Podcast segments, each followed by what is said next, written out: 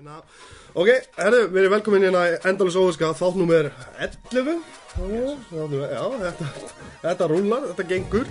Um, Við viljum byrja á því bara að, að þakka Arnar Ingóls eða listamannunum Ingóls fyrir nýja introlægið okkar og, og gestur minn í dag er engin annar heldur en Vilhjálmur Ólafsson. Snýr aftur, ha, snýr aftur og, hérna, og þetta verður anskvæmt skemmtilegu þáttur núna að fyrir, fyrir nörda og aðdæðandur út um allt Ísland. Og það sem við ætlum að ræða um mannin Nicholas Kim Capola ha, betur þekktur sem Nicholas Cage. Og, og hérna við, við gerum þess að þannig að við við horfum á nokkrar myndir.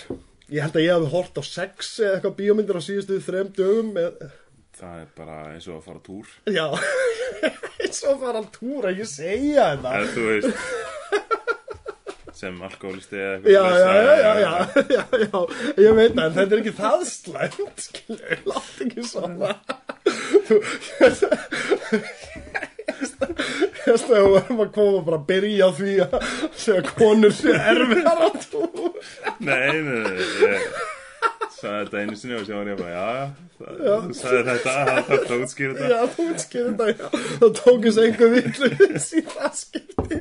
En hérna, en hérna, Vili, takk hérlega fyrir að koma aftur, það var ógeðslega gaman að fá þig síðast og alltaf gaman að sjá þig. Og hérna, og hérna Mandi umræðan okkar nefnilega hún, hún bara einhvern veginn kveikti í fullt af spurningum þar sem fólk var bara veist, er þessi Mandi mynd svona góð skilur þú veist, er, er, er veist, hvað er málið með Nicolas Cage skilur og, hérna, og þá fannst mér bara einhvern veginn við hæfi að við myndum bara fara í þátt Já. bara um Nicolas Cage og það var bara engin annar sem kom. Til greina, er heldur en þú, skilju Og hérna, og hérna, segð mér um, ef, að telja hvað myndir horfið þú á, Uh, Ég er á hérna Snake Eyes. Það er gömul uppáhaldsmynd Já. og hérna og síðan lífinlega Svegas sem fekk Óskarinn fyrir það. Að, vel áttu skilju Óskarinn um, mjög svo. Já. og síðan hérna Vampire's Kiss Já, sem eru tvei tíma sem ég fæ aldrei áttur látt ekki svona. Það er náttúrulega bara, það er einn mest briljant mynd sem ég séð í langan tíma líka, sko. En samt ég verð að viðkynna, ef ég hef ekki verið búin að sjá jafnvel Mandi mm og, hérna, og hort síðan eða hort á Vemberskis áður eða hefði hort á hana, ég hefði ekki síðan áður sko. en ég ákvað að horfa á hana út af því að þú nefndir hana. Og, hérna, og svo fór ég að fræða mig um hana og hérna, ef ég hefði ekki verið búin að sjá Mandy og búin að vera svolítið að obsessa í raun og veru á leiklistastílum hans Nicolas Cage á undarförnu þá hefði ég ekki getað metið hana já, eins og ég já, gerði í já. þetta skiptið skilju, í þetta skiptið þá skildi ég hann. Hvað hann var að fara. Já, var að fara með þetta sko. En að ég horfði á The Rock að, það er bara það er ruggluð mynd, hún er ógeðslega góð. Og hann er bara svona hann er bara svona þokkalega straight í þeirri mynd sko. þú veist, það kemur hann líka keitsandri en, en í, í, í augnablíkunum make the sense, þú veist, það var ekki stundum, veist eins og hann á það til að gera að það meikar engan sens það senna sem hann er að gera. En í The Rock þá meikar perfect sense. Ég horfði á Snake Eyes líka. Ég horfði á Vampire's Kiss.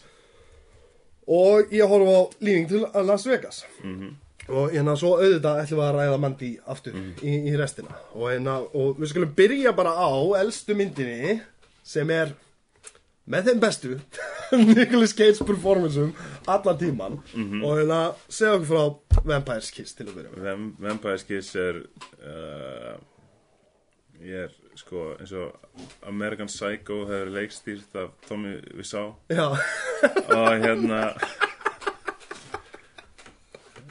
og hún er Tommy Wiseau er, er leikstjórin á The Room sem er talin vestamynd allara tíma já, já, höfum það á hreinu Já. um, hérna og það er fullt af hæfileikaríku fólki í henni það er til dæmis hérna, kveikmyndutökumæðurinn er gæðin sem tók upp sko Edward Scissorhands og fyrst Já, já, já. Batman Returns myndina og eitthvað Já. svoleiðis Mhm. um, það- en hún er rosalega furðuleg og Nick Já. Cage er ykkur gaur í mjög slæmur með nöfn á personu já, já, uh, sem vinnur sem sko bóka útgefandi Já. eða svona á bóka útgefandi stofu já.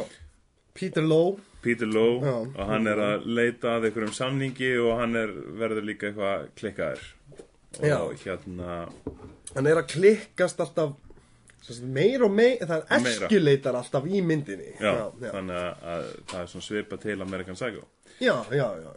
um, svona grunnhyggji líf uh, hann fer heim og er að tjúta í einhverju gellu. Já. og það kemur uh, hérna leðurblak inn. Já, já, já, já, það, þannig að það er svona það átaka mig að myndarinnar er þar að hann fyrir að trúa því að hann sé vampýra sem er sem er, er það rugglaðasta í heimi. Og, og hérna strax í byrjun þá sér maður sko hvert hann er að fara með þetta því að Já. þú veist eftir að hann er búin að vera hrættu við vampýruna og, og gellan hleypur út úr íbúðinni. Já, og hún hérna er svona hlæjandi og eitthvað svoleiðis. Já, full og á að vera svona skemmtileg sem er alltaf mjög gaman að sjá leikar reyna að tekla já, já, já, þá fer Nicolas Cage með það sko upp í tóltu hæð og hleypur út bara eitthvað. Já, ég sé, bara akkurat í þessari, þessari sinu þegar hann kemur hlaupandi út með henni í leigubílinn hana mm.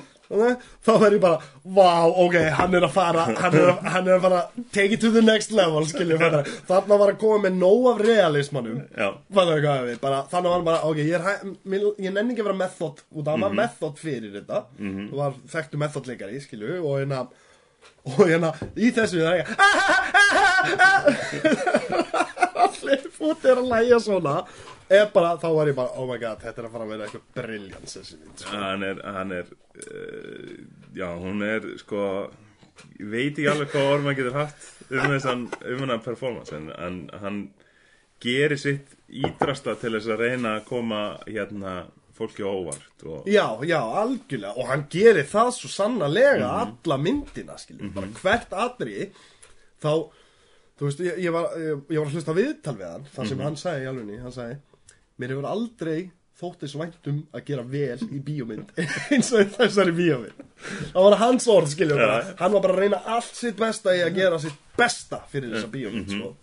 og það, það er svona með steli úr öðru svona YouTube-myndbandi það er að sko það er hérna vitnað í hann í DFT kommentaríinu og þá er hann að tala um einmitt hérna eini ásetningur minn í þessa senu er að hafa augum mín eins og hægt er til þess að hérna fá okkur viðbröð frá leik, mótleikunni Já. og ég hefði, þú veist já, já, þú veist, það virkar. Sem, sem spu, spunni mýmið það er það er það alveg. er oh really? Það er mýmið.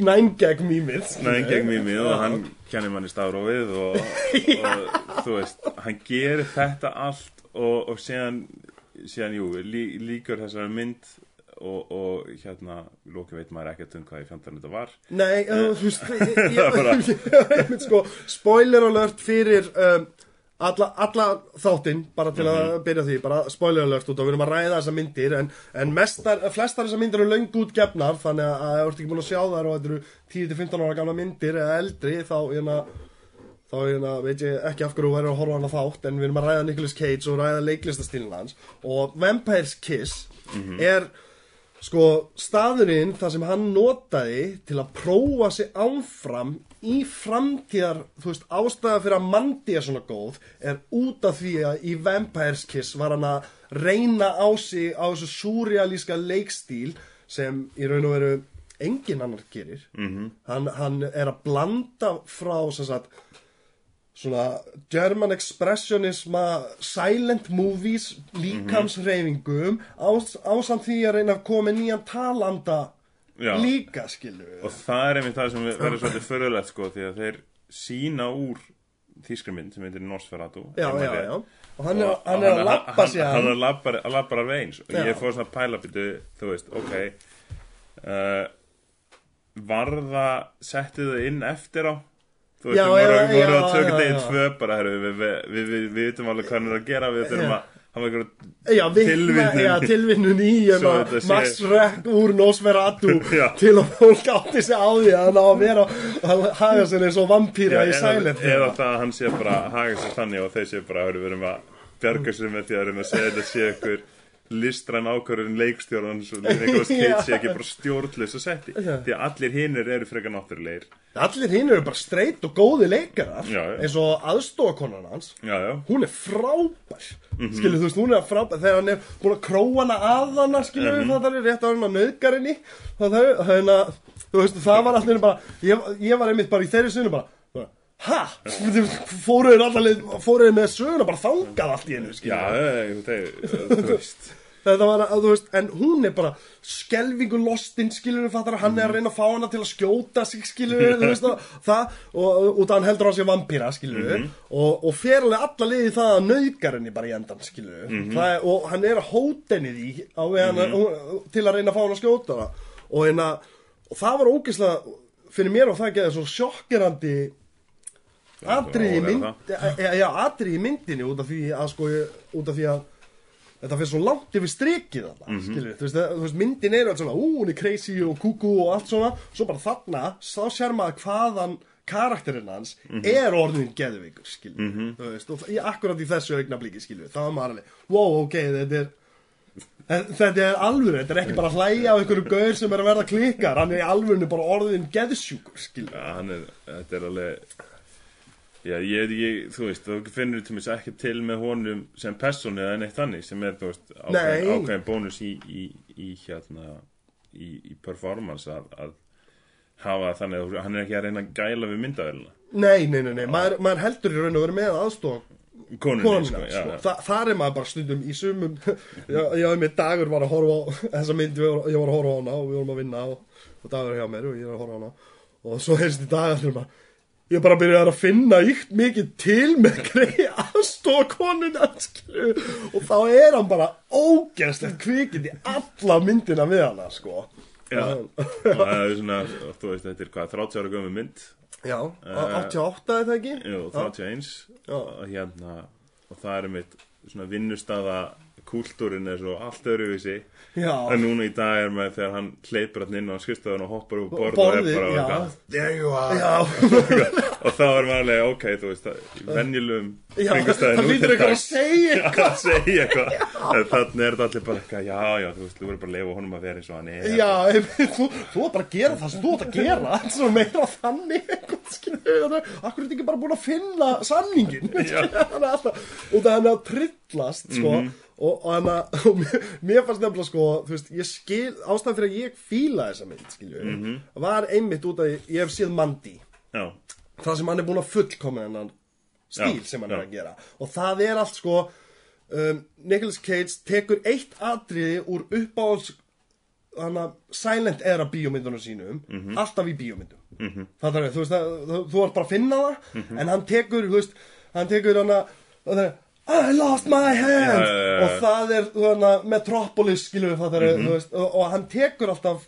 svona atriði og situr inn í performancein skilur Mhm. sem er svona eins og maður kallar homage eða salút til upp á Já. skveimyndagerða manna Já. sína og en að og í, eins og í, í Mandy þegar hann tekur Bruce Lee mhm, sem er bara beint skot úr Bruce Lee bíómynd skilur og en að og þarna tekur hann Max Schreck skilur þannig sem er, var Nosferatu í Nosferatu myndinni. Og en að og hvernig að horfa á þessa mynd þegar hann er eitthvað þegar hann er í leigubílum búin að fara heim til hennar og, og þú veist, og þetta er nefnilega svo út af því í sumum atriðum það sem ég fílaði þessa mynd var það að, að stundum helst að hann væri að yðrast mhm. Það ekki að já. það þarf ekki að við, veist, út af því að, út af því að Nicolas Cage er það góðu leikari, það getur látið hata sig, það þarf alla myndina, en svo þegar fer hana til hennar, ég heyrðu að vera veik, skilur þannig, þú veist, það er ekki nýbúin að berja hana, eitthvað, skilur í vinnunni, og er eitthvað, ég heyrðu að vera veik, ég ætla bara að koma með súpu og eitthvað svona, og hérna, og hérna, og hún hleypur hann inn og hann bara ekki að þú verður að koma svo eru við komin í leigubílinn. Og þá er hann bara það er út af í dag veit ég að þú munt finna reikning samningin skilu þú veist hún bara en ég held þú sagði og, og þá, þá tekur hann við besti lífuna þannig It doesn't just go away, it never just gives away.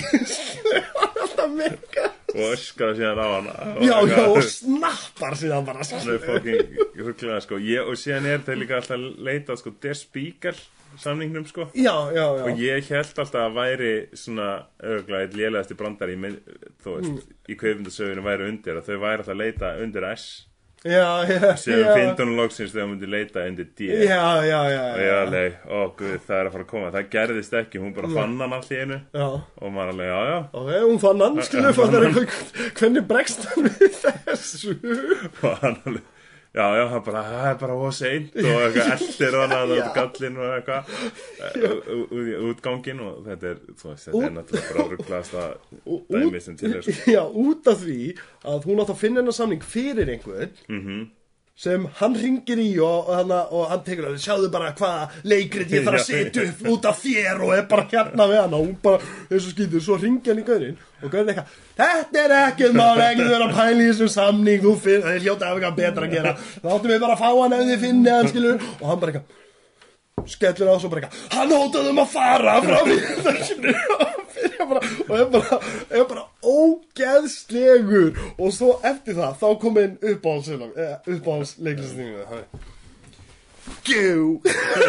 Hann er bendin í burt og þeir, og þeir taka sko, já, þeir taka líka hérna mjög flott skotaföll þessum actionum sko Ég, Þa, það það, er er, er þess vegna fór ég að leita upp hérna kveikmyndatökumannin. Það og er, ógeðslega flott Mhm. leikstjórnin er góð en Nicolas Cage er bara svo ótrúlega yktur já, að það að það- já, skemmir sko það skemmir algjörlega en hins vegar upp á móti er hann sannfærandi í.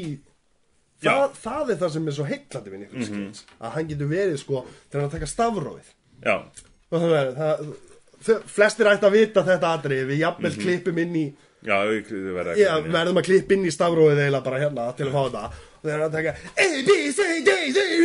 og og er bara að taka hvert einasta hreyfing hvert einasta klapp og allt í þessari senu var úthugsað hjá hann mm -hmm. hann var spáði því, hann var búin að pæla þetta allt út og eins íkt og þetta er þá er þetta mjög sannfærandi leikli, ö, leiklist Já, það gerir það og, hérna, og síðan svona tekur upp buksurnar og Já. eins og það sé eitthvað stór strákur og eitthvað svoleiðis og, og það er samt, þú veist, einmitt það, þegar myndin fer að vera svo skrítin sko, uh, þú getur tekið það sem dæmi það eru, til mist, hvað, hvað segir, svona mimes hvað, hvað er íslenska já, þannig að já, Látbræðs já, látráðsleikarar, já, já. Þeir eru eitthvað að slá hvern annan fyrir utan eitthvað hús. Já, já, og ég er bara eitthvað, hvað síra er þetta?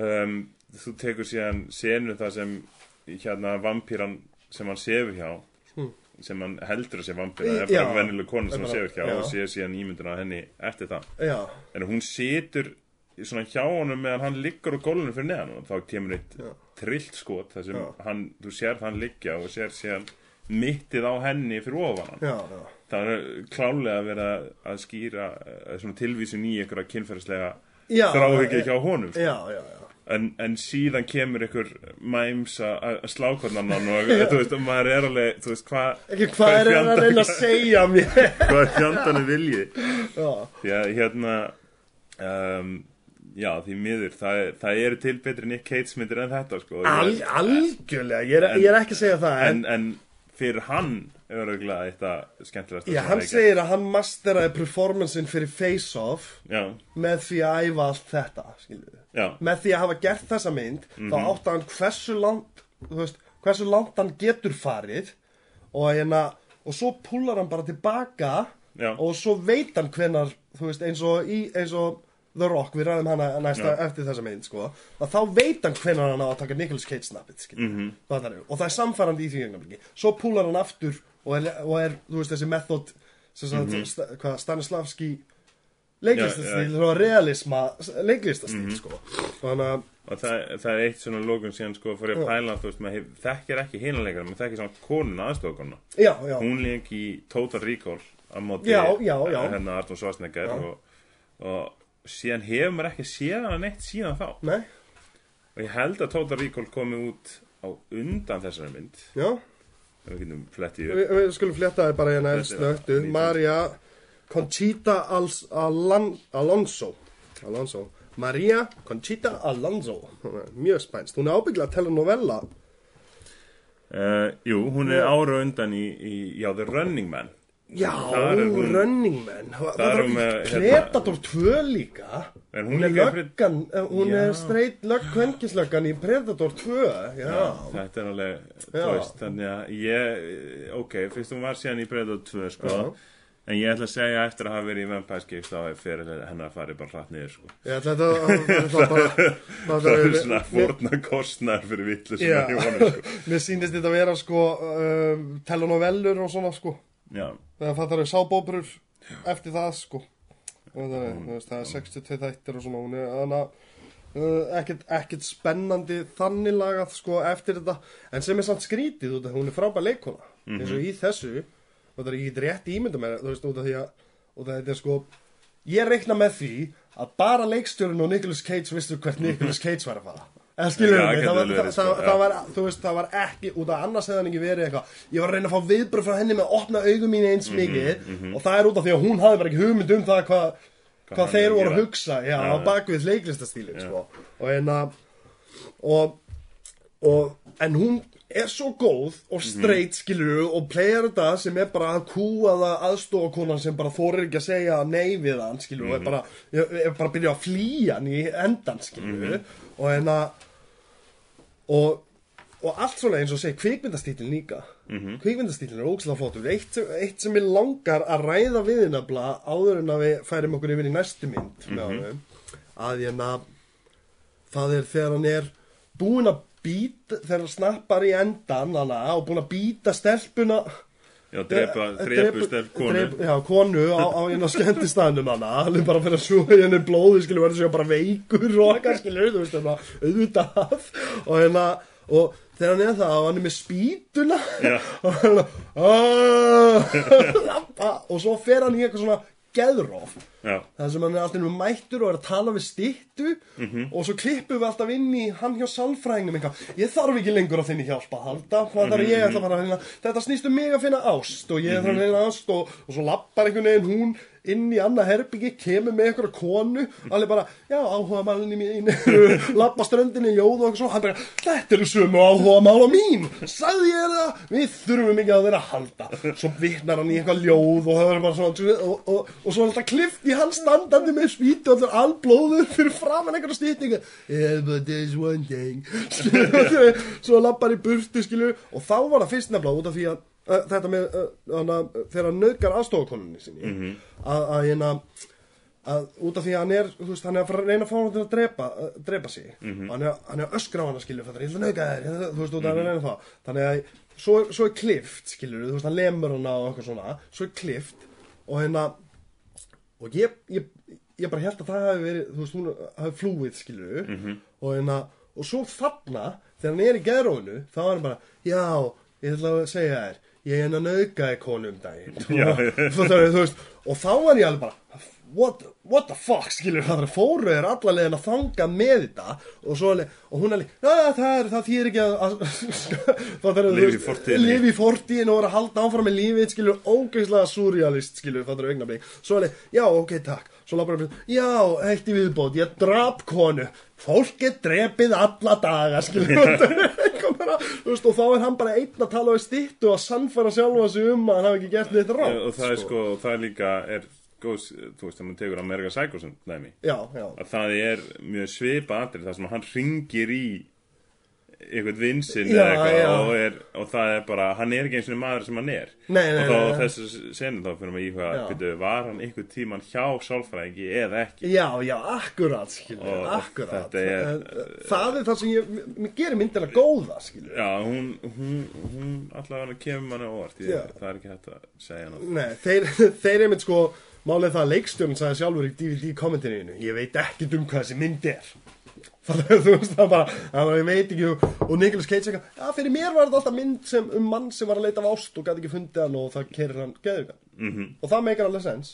Það meikar alveg sens að Þú verður að- halda með persónuðinni Já, já, algjörlega skilur fattar veist, það, það, það er mjög sannfærandi álit á því af hverju hann hafa þessu svona skilur fattar og getur, þú veist, ég skil leiklista engólið skilur út af því að þú getur ekki hata manneskunum sem þú ert að leika. Í flestum tilfellum skilur allir sem leika einhvern í gennum tíðina þurfa alltaf að finna einhvað engól sem þeir geta leita við eitthvað svona.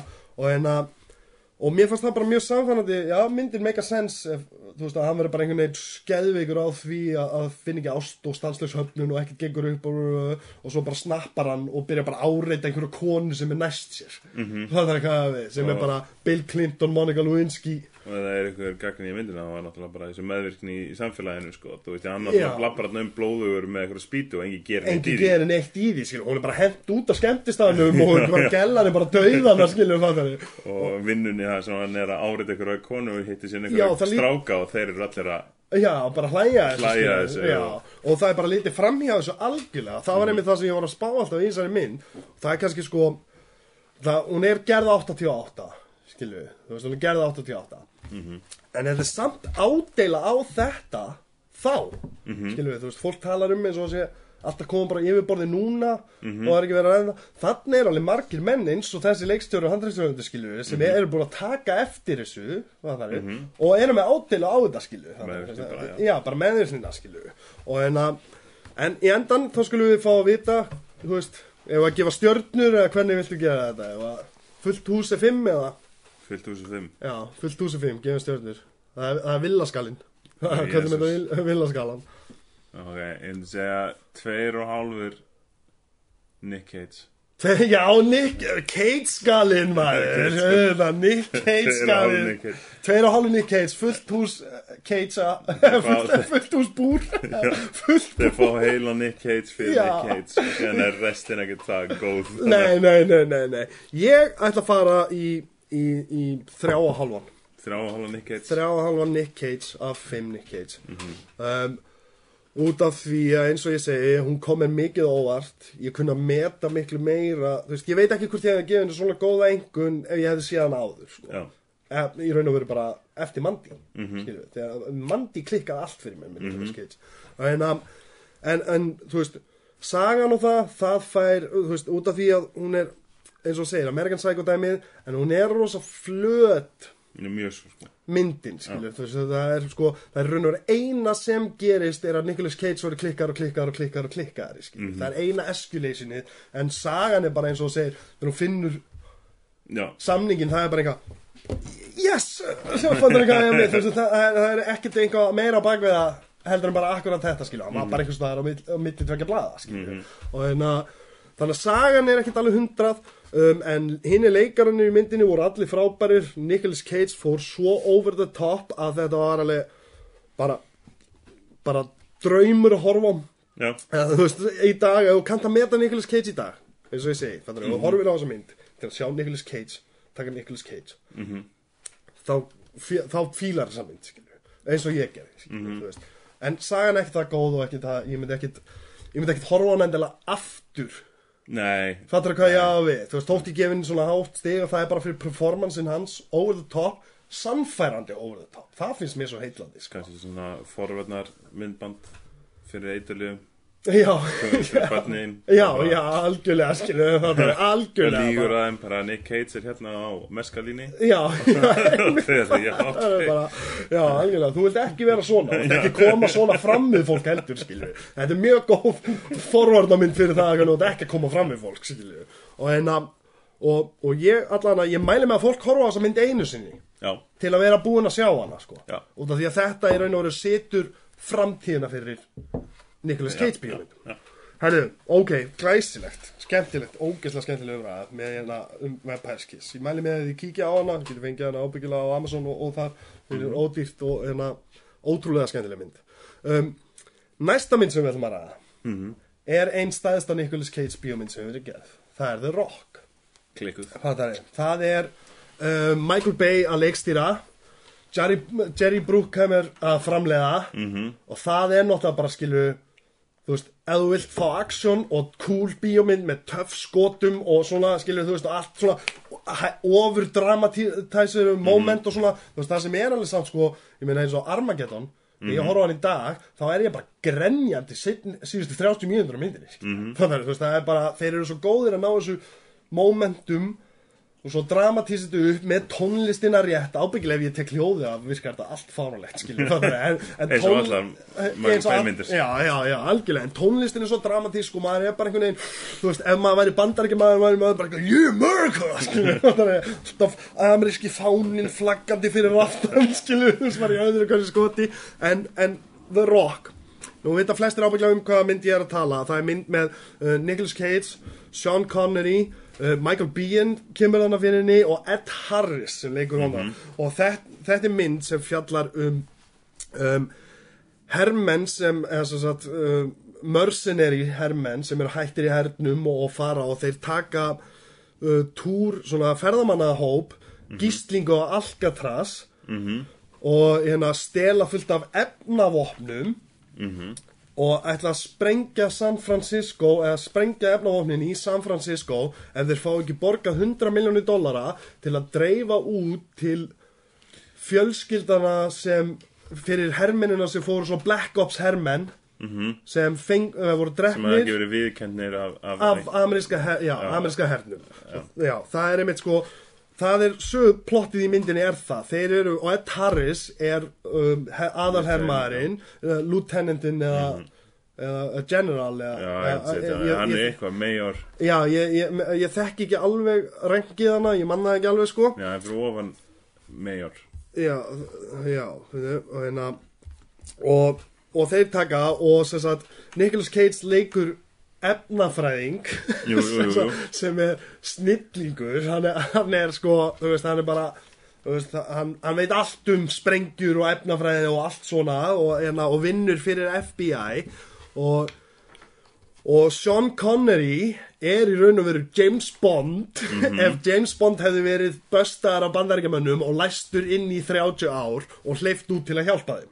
Það er bara, myndi kom út 30 árum eftir að, að hún gerði það, hún kom út akkurat 30 árum, þess vegna var 30 dæ, dæmi settir, er út af því að Sean Connery lék James Bond 30 árum áður en að þessi mynd að gerð og þaðan kom, þú veist, dæmið um að James Bond er codename og, og þeir hafi náð honum og þetta var í alvegni James Bond. Og þannig að frá MI6 nei, eh, já, MI6, já, MI6 eða eitthvað er bandaríska, eh, nei, breska, breska leiningþjónustan og hann nefnilega er fenginn til að hjálpa þeim hann að hernum eða bandaríkjunum FBI til að brjótast inn í Alcatraz út af því að hann flúði Alcatraz tvísvar, eini maðurinn sem hafði flúð Alcatraz. Þetta er, þetta er uh, ein klikkaðasta mynd í heimi og, og það tekur mjög stuttum tíma fyrir, að, fyrir þá að setja fram þetta plott. Já, þe- þetta er rosalegt plott, Rosalegt plott En þetta er svo, það er það sem er Michael Bay og þeir gera svo vel. -hmm.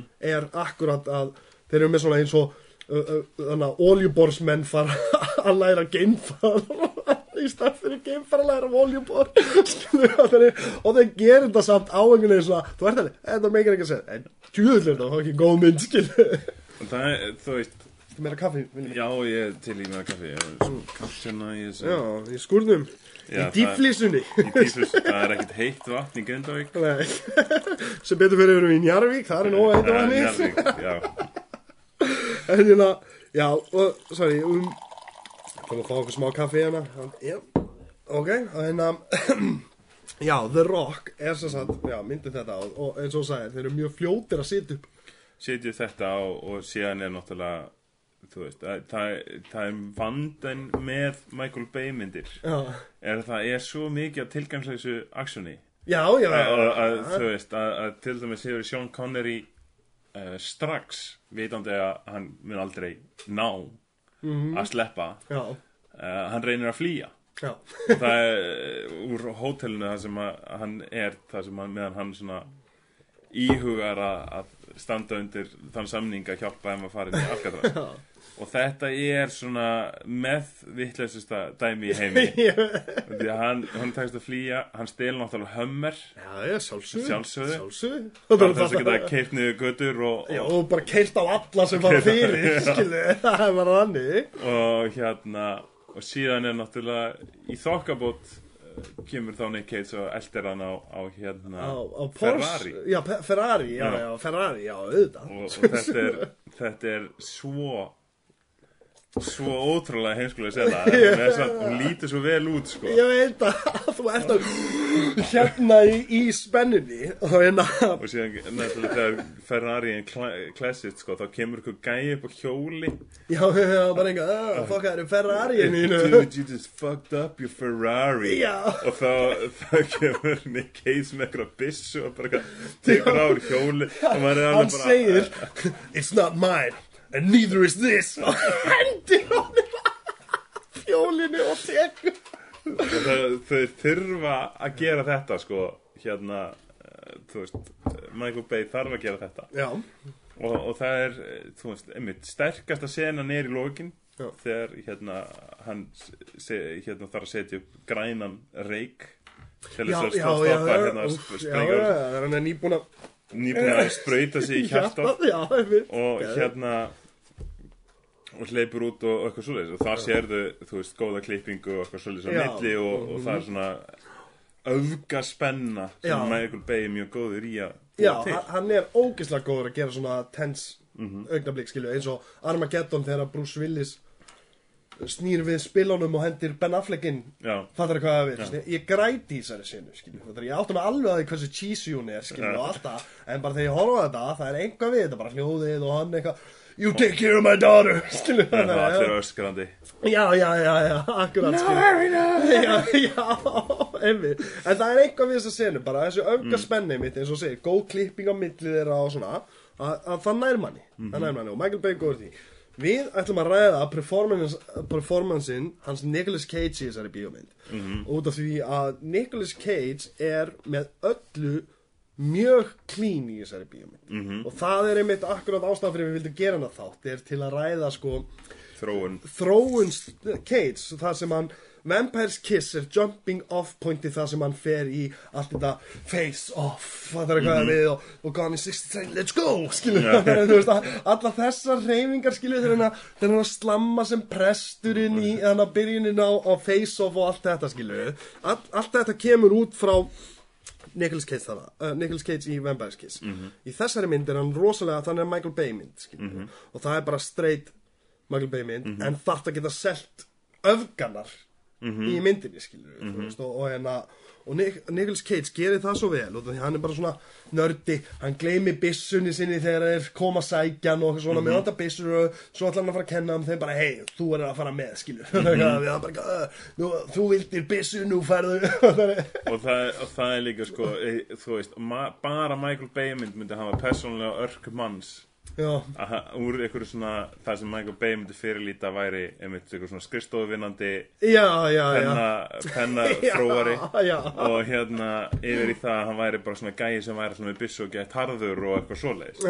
Og það er, þú veist, og er Sean Connery akkurat manniskin sem ræðist á það endalust hjá Já, er bara eitthvað, þú veist eitthvað losers whine about doing Já, their best. Já minutes go home and fuck the prom queen, já, já. Nicky was the prom queen.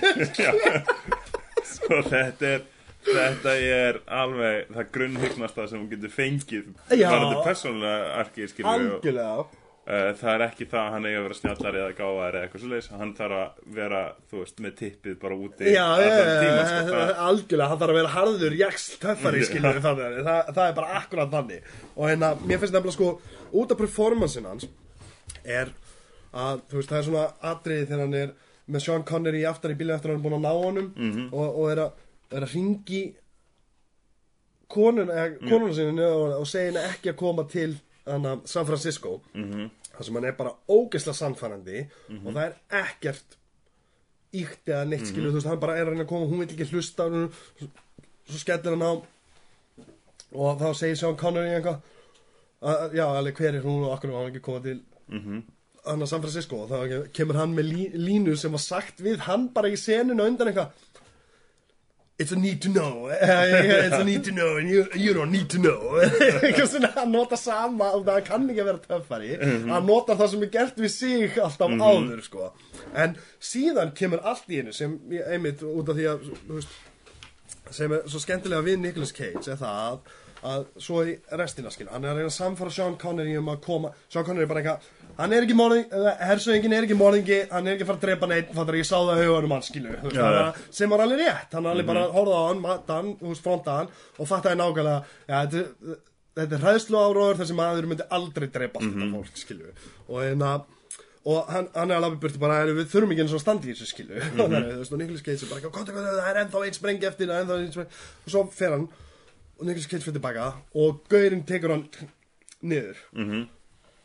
Og og þá kemur Nicolas Cage augnablik skilu það er að segja glass og plastic, glass og plastic. Skilu og svo ég má ekki öskra um mikið skilu og það, þú svo þetta springi ekki. En þá ert alveg bara Anna er kallinn skilu Já, já, já. Dude. og ég held líka að það er eitthvað fangilsi sena það sem, það sem hann var bara röflandi eitthvað Þegar hann lappar inn og er að reyna að tala við Nei, þú veist, þeir eru settir inn í fangilsi og hann er allan tíman eitthvað já, eitthvað- já, hann er að tala um hana I take pleasure in gunning you, boy. Já, og ég já, held að Já, já. Michael Bay hafi verið eitthvað á móti þessu sko.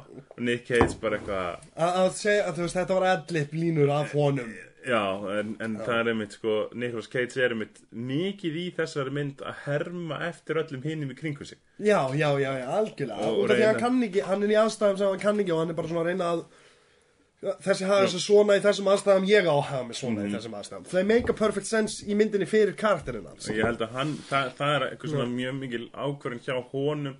Náttúrulega er handrið skrifað eitthvað ákveðin hátt og eitthvað Já. En ég held að það sé mjög svona ákvörðin að hann reynir að gera sem mest úr þessu ég held að Já. Michael Bay fatt ekkert hvað þetta er en nei, nei, nei, nei, nei, nei, En þarna var hann alltaf inn á móti þessu út að hann er gera grín af já, veist, og þetta er joke í raun og veru Já. take pleasure in gun you boy það er að gera grína gaurunum sem náðu þeim og setja það að klefa Mhm. það skilju já. A, já, algjörlega, ég, ég veit hvað við það sko. þessi einmitt þe- það er eitthvað við einmitt þessa mynd sko, Jesus Christ sko. það, er, það er, þú veist, fyrir utan það að það er, þú veist með hershöfingja sem þykist ætla sprengja upp borg og hann er þess vegna vondikallinn en síðan er, getur hann ekki verið vondur út í hann hershöfingi í Michael Bay mynd? Og þeir eru alltaf góðir. Já, já, já, og allir vondu, algjörlega. allir vondu gæðinir sem sem svíkjan eru ekki síðan ekki bandarskir hermenn, þeir eru málulega Málalegar, já, já, já það, það eru já. gæðinir sem hann réð sko. Já, já, og þú veist, og þeir hafa engin prinsip sko. Herin hefur gríðarlega prinsip þessi er búin að framlega eitthvað Já, drepið em- heila borg og eitthvað Já, það er góði gæðin sko. Algjörlega, algjörlega, út af því að hann að, náttúrulega, herin borgar fyrir bíómyndina já, það, er bara, það er bara akkurat þannig, ég meina, herin, um, allar svona bíómyndir Mhm.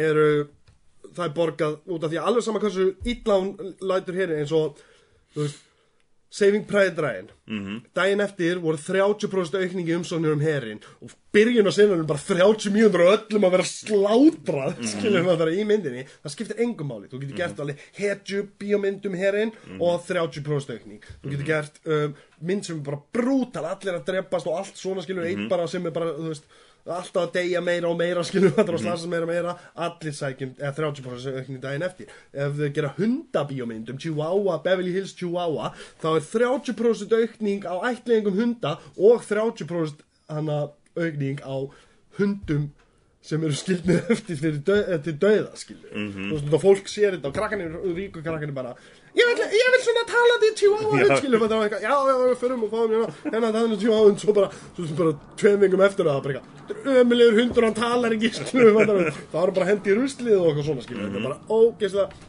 þú veist, en þetta er í bandaríkjanum þú veist, það er engin hérna heima á Íslandi sem horfur á Michael Bay bíómynd og, og fyrir bara sækjum bandaríska ríkis og borgar rétti til að komast í herin skilur þú veist, þetta er bara algjörlega bandaríst og þannig að það skiptir einhver máli út úr sér slæm eða góð mynd, eh, mynd af hernum.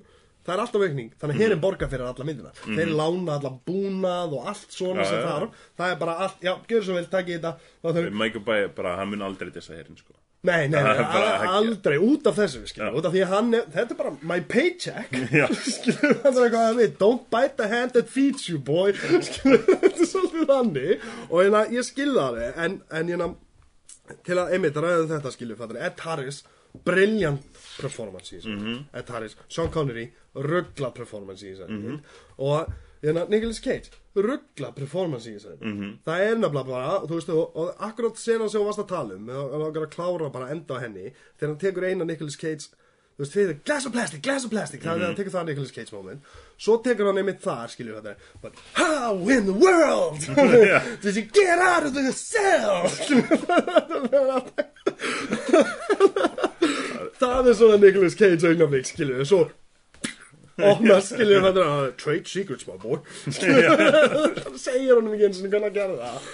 Og þannig að það eru einu tvö sem ég man eftir Nú er þessari mynd, já. úr þessari mynd sem hann, en bæði skiptin 100% justifiable og make a sense fyrir karakterinn að hafa sér svona Mhm. og það er það sem einmitt gerir Nicolas Cage að lista, leiklista hann er það, eins og þú sagði, hann er kallað jazzleikarinn, var kallað það af, af David. David Lynch.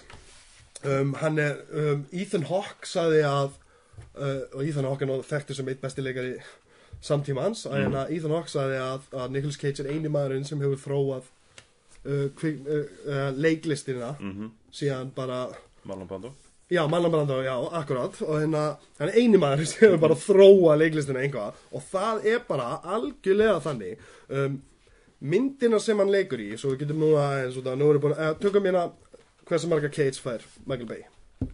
Þess að- Nei, Michael, Já, Michael, Rock. Michael Bay fær engan Cage Nei, en, en The Rock myndin Fjóra Cage Fjóra Cage Já, það er, það er, þú veist, uh, þetta er, þetta er svona í kjarnan hasa, þú veist, þetta er bara svona kjarna hasamind Já, já, sem var upp á tíunda ártögnum og níunda ártögnum. Þannig Já. að þú, þú færð þetta ekki lengur, sko. nei, nei, nei, nei, nei. Og þetta er svona, kannski, þú veist, áðurinn þróunum var svo trillt, sko, að núna er alltaf alla myndir um eitthvað ofurhetjur og síðan einhvern gæja sem vantar hend Já, já, já, og eða tortimingavopn Já, sem er vanlega að knúða gæja sem vantar hend já, þannig að, að þannig er þetta jú, gæði sem vill hefna sín. Já, já, já, en það er í stæði fyrir að segja allir heimurinn þá er það bara þessi já, er bara ein, eina borg sko. Já, og hann vil líka sko, hann er bara að reyna, hann er að reyna samt að gera honorable thing með að, að hérna, að sem sagt, um,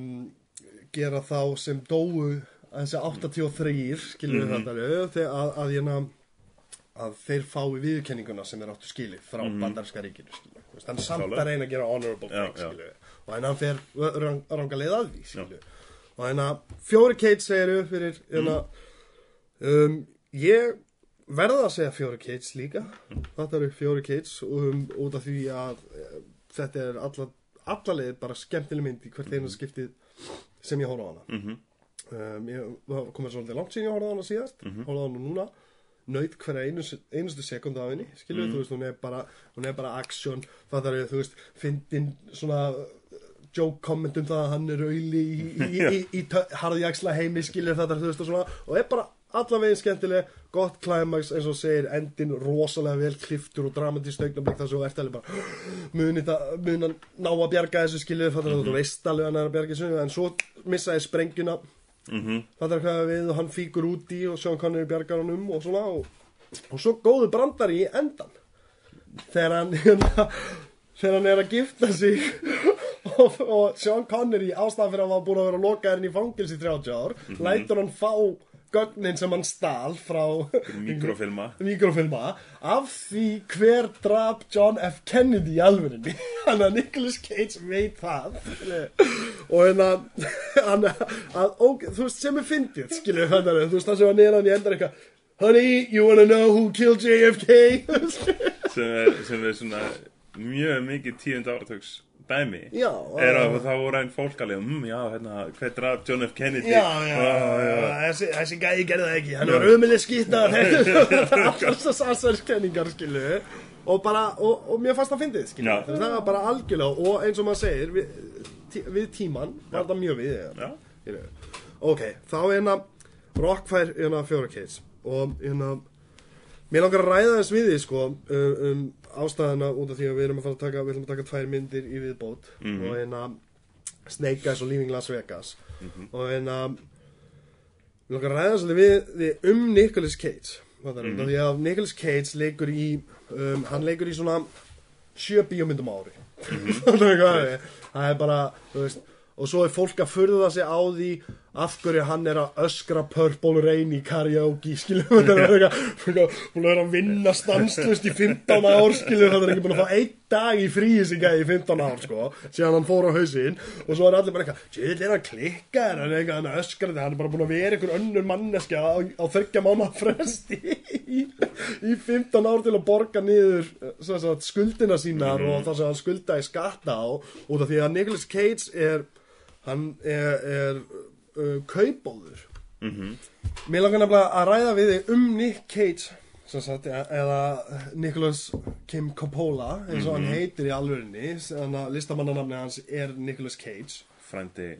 Frændi Francis Ford Coppola já, sem leikstýriði Godfather myndunum og en að Apocalypse Now. Apocalypse Now, já, akkurat. Frábæri leikstjóri og en að og hann gerði líka Jack eða ekki með Robin Williams, sem ég minni það það var Francis Ford Coppola sem gerði hana Nick Cage er líka í, ég held ég giftingarsinni í Godfather. Hann er einn á krökkunum. Nei, Já. vá, ok, vá ég, það, ég, ég, Nú þarf ég að horfa það En ég na Serðu hann hann eitthvað Takka Nicholas Ertu ertu búin að gleyma þessari senu? en, en sko En ég na, já, Nicolas Cage Hann breytir nafninu sínu Út af því að hann vill ekki vera tengdur við uh, Frænda sinn, skilur og, en, að, og, og það er svolítið aðdánavert Út af því að hann, þú veist, það segir hvernig maður hann er, sko Vanandi þetta, hann vill vera sinn eigin maður Vill sinn eigin listamaður, skilju Og en að leiklistin er hans Og hann vildi ekki vera að allir væru Já, þú veist, hann er bara að fá þessi tækifæri út af já, og Frænda tek- sínum. Upp hérna Overhittin up Luke Cage. Já, já, já, algjörlega og það er eitt af uppáðs teiknumyndasögu mm karakterum hans. Og hérna hann er hann, Nicolas Cage sjálfur er ástæðan fyrir að hann var í Kick-Ass ástæðan fyrir að hann átti að vera Superman. Hann átti að vera Superman vannst, í, hérna, í Tim Burton myndinni sem hefði verið briljant ég hefði svo mikið vilja sjá hana sko.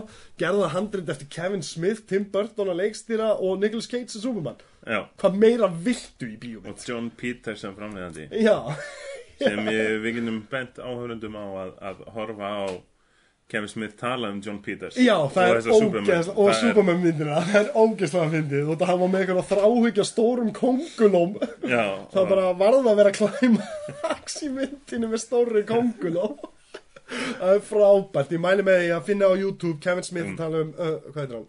John Peters. John Peters, John Peters. En ég nafn, og Nicolas Cage hann breytir nafninu sínu og fer sína eigin leið. Hann leik uh, í myndinni Birdie með mm. hann að, hvað heit það, Matthew? Æ, sem er hann að pappa í pappa í, í hana Stranger Things. Já, ah, hann leikur sem sagt, um, sem sagt þeir eru stríðshetjur sem koma tilbaka og fá PTSD og hérna, hann verður obsessed á því að breytast í fugg skilju, og er Ok. bara geðugur hæli að leika fugg, skilju, ógeðslega góð mynd, ég man eftir mm. bara ég hef ekki séð hann nýlega, ég man eftir henni bara frá því æsku, hvað hann var áhrifamikil sko. og hérna Nicolas Cage var í henni. Og, en með árunum, hann er að taka sér svo sérðu fram til 2000 uh, fyrir 2000 eru bara masterpiece bíómyndir. Þar er The Rock og, og þar er, þú veist, ok, Vamp Vampires Kiss það uh, umdeild, umdeild skilu en þar var hann að prófa eitthvað, skilu þar fekk hann algjört frelsi til að gera það sem hann vildi. -hmm. og hérna og svona myndir bara til 2000 eftir 2000 þá tvöfaldast eða þrefaldast sem sagt um, sem sagt uh, framleiðsluðan af bíómyndum sem hann gerir skilu og það er út af því að hann fer á hausinn hann í byrjun 2000 hann fer á hausinn í byrjun 2000 fyrir sem sagt um, fyrir kaupáráttu sína hann er skulda skattinum held ég gríðlega fjárhæðir og Já, já, og, og það er út af því að maðurinn kefti sér tvo kastala. Eins og maður gera. Nei, sem menn gera. Tvo kastala þú veist, tvo kastala, veistu hvað kostar ábyggja að halda upp í einum kastala? Skilur við það getur þessi tvo. Og en að hann átti stæðsta teiknimyndasöðu samt. Út að hann er, eins og ástæðan fyrir hann er í kikka svo allir því eins og ég var að segja er út að hann er obsessed á teiknimynd eða overheadjum skilur við og Superman, hann átti Action Comics nummer 1 sem er fyrsta Superman mm -hmm. og hún ein og sér er metið upp á 3 miljónir dollara bara það comic, skilu og síðan hann fullt af öðru, skilu first editions og alls konar svona comic books. Rísarögg og eitthvað Já, hann kefti sér risaðeg eitt skiptið kefti hann sér kolkrabba lifandi til að reyna emjuleita hreyfingarnar hans og það geti bætt leiklista stílinn sinn, skilju við Klárlega. Þa- þann, já, ég skil það. Er alveg bara, ég myndi að Nicolas Cage þú spáir í því. Þá meikar þetta sens nefnilega. Einn karakter sem reyfir sig alltaf eins og kólgrafi, skilju við, það er bara ekta hann. Og hérna, en hann fer á hausinn hana og þar af leiðandi er hann orðin svolítið svona ástæðan fyrir að við erum að gera hana þátt er út af því að hann er orðin svolítið brandari. Mhm. Nicolas Cage, hann er orðin brandar í dag út af framleyslun á bíómyndunum hans, út af því að hann í raun og veru getur ekki sagt nei við tjekka Mhm. þetta er Það verður að, já. hann verður að leika, hann verður að vinna stanslust til að borga niður skuldina sína og koma sér úr þessu. Og hérna og, og þar að leiðandi fáum við átta lélega bíómyndir og eina góða. -hmm. það, er, það er bara einhvern veginn sko Hann, að, sko, það er líka Þú veist, það er líka, sko, þú veist, sumir sem samningar eru alveg helviti góðir, sko, eins og til dæmis tekur Left Behind, já, ég held að hann hafi verið á sett í eitthvað fimm dag, já, já, fær þrjá miljónu dólar að borga fyrir það. Já, algjörlega og þeir getur selt það sem Nicolas Cage mynd Spyr, já, út af því að, að þetta er sko eins og mannst eftir Canon films?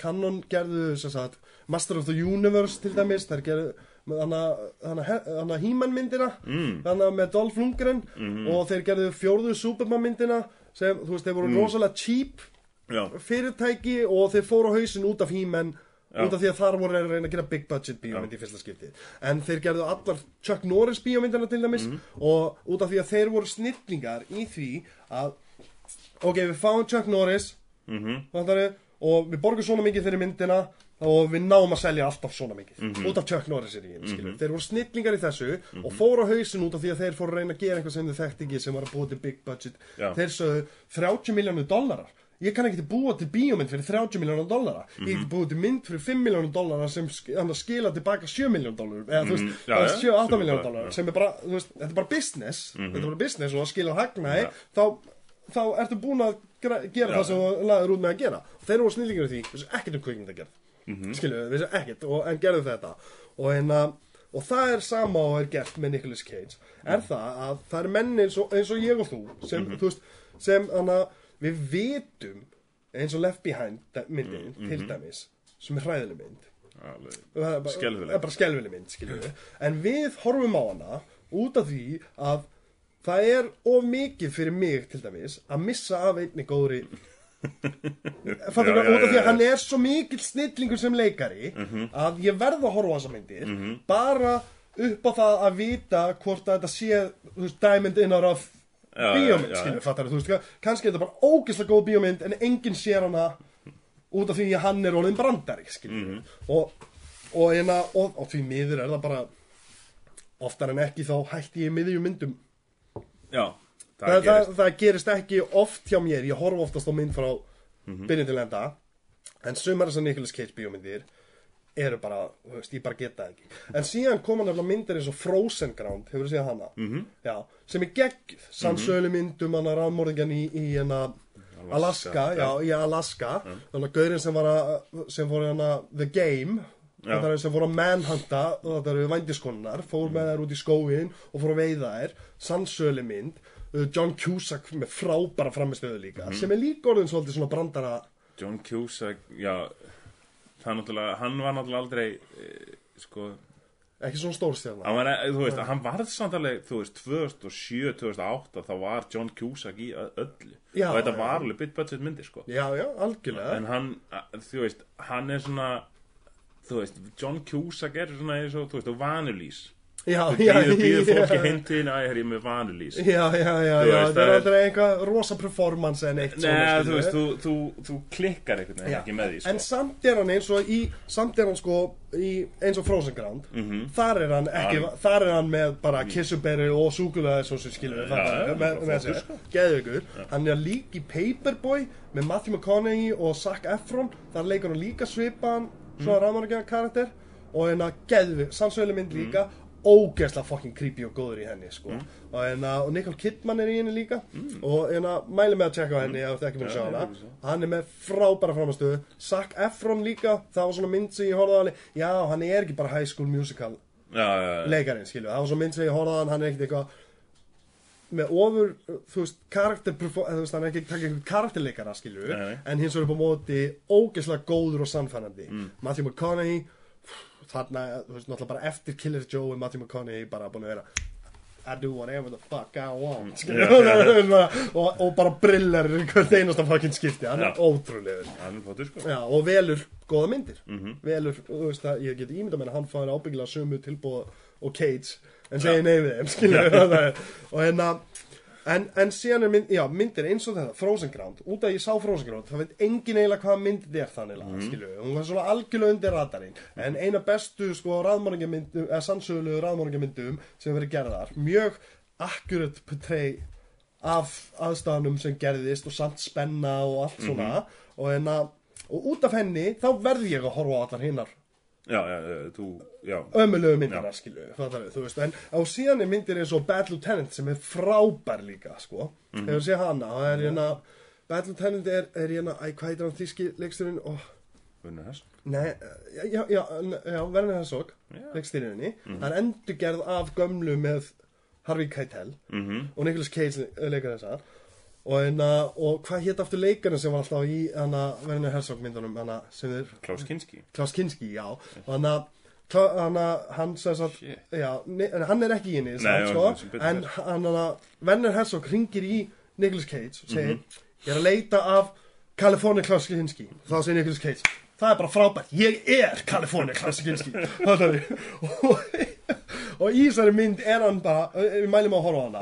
Að, að þar er hann að taka Nicolas Cage skilu, mm þú veist, hann er bara að taka all out Nicolas Cage en hann er drug-fueled detective skilu, Já, já, já, já. sem er bara reykjandi krakk og bara snaruglar að því og bara perfect í þetta hluti, Mhm. sko. og rosalega oft vann myndin út og hún er miðuð við gömlu Harvey Keitel myndina þetta er ömuleg endurgerð þetta er samt ekki beint endurgerð Nei, sko.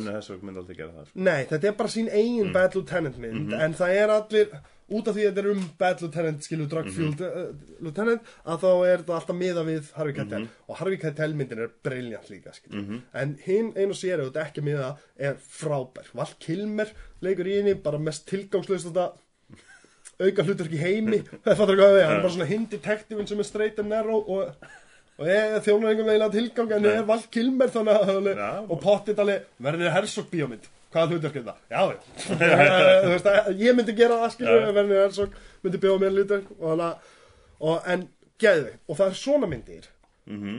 sem er ástæðan fyrir ég horfa á, allan hinn eins og ég, þegar þú sagði mig frá Dog Eat Dog í síðasta podcasti Já, ég horfa á hana.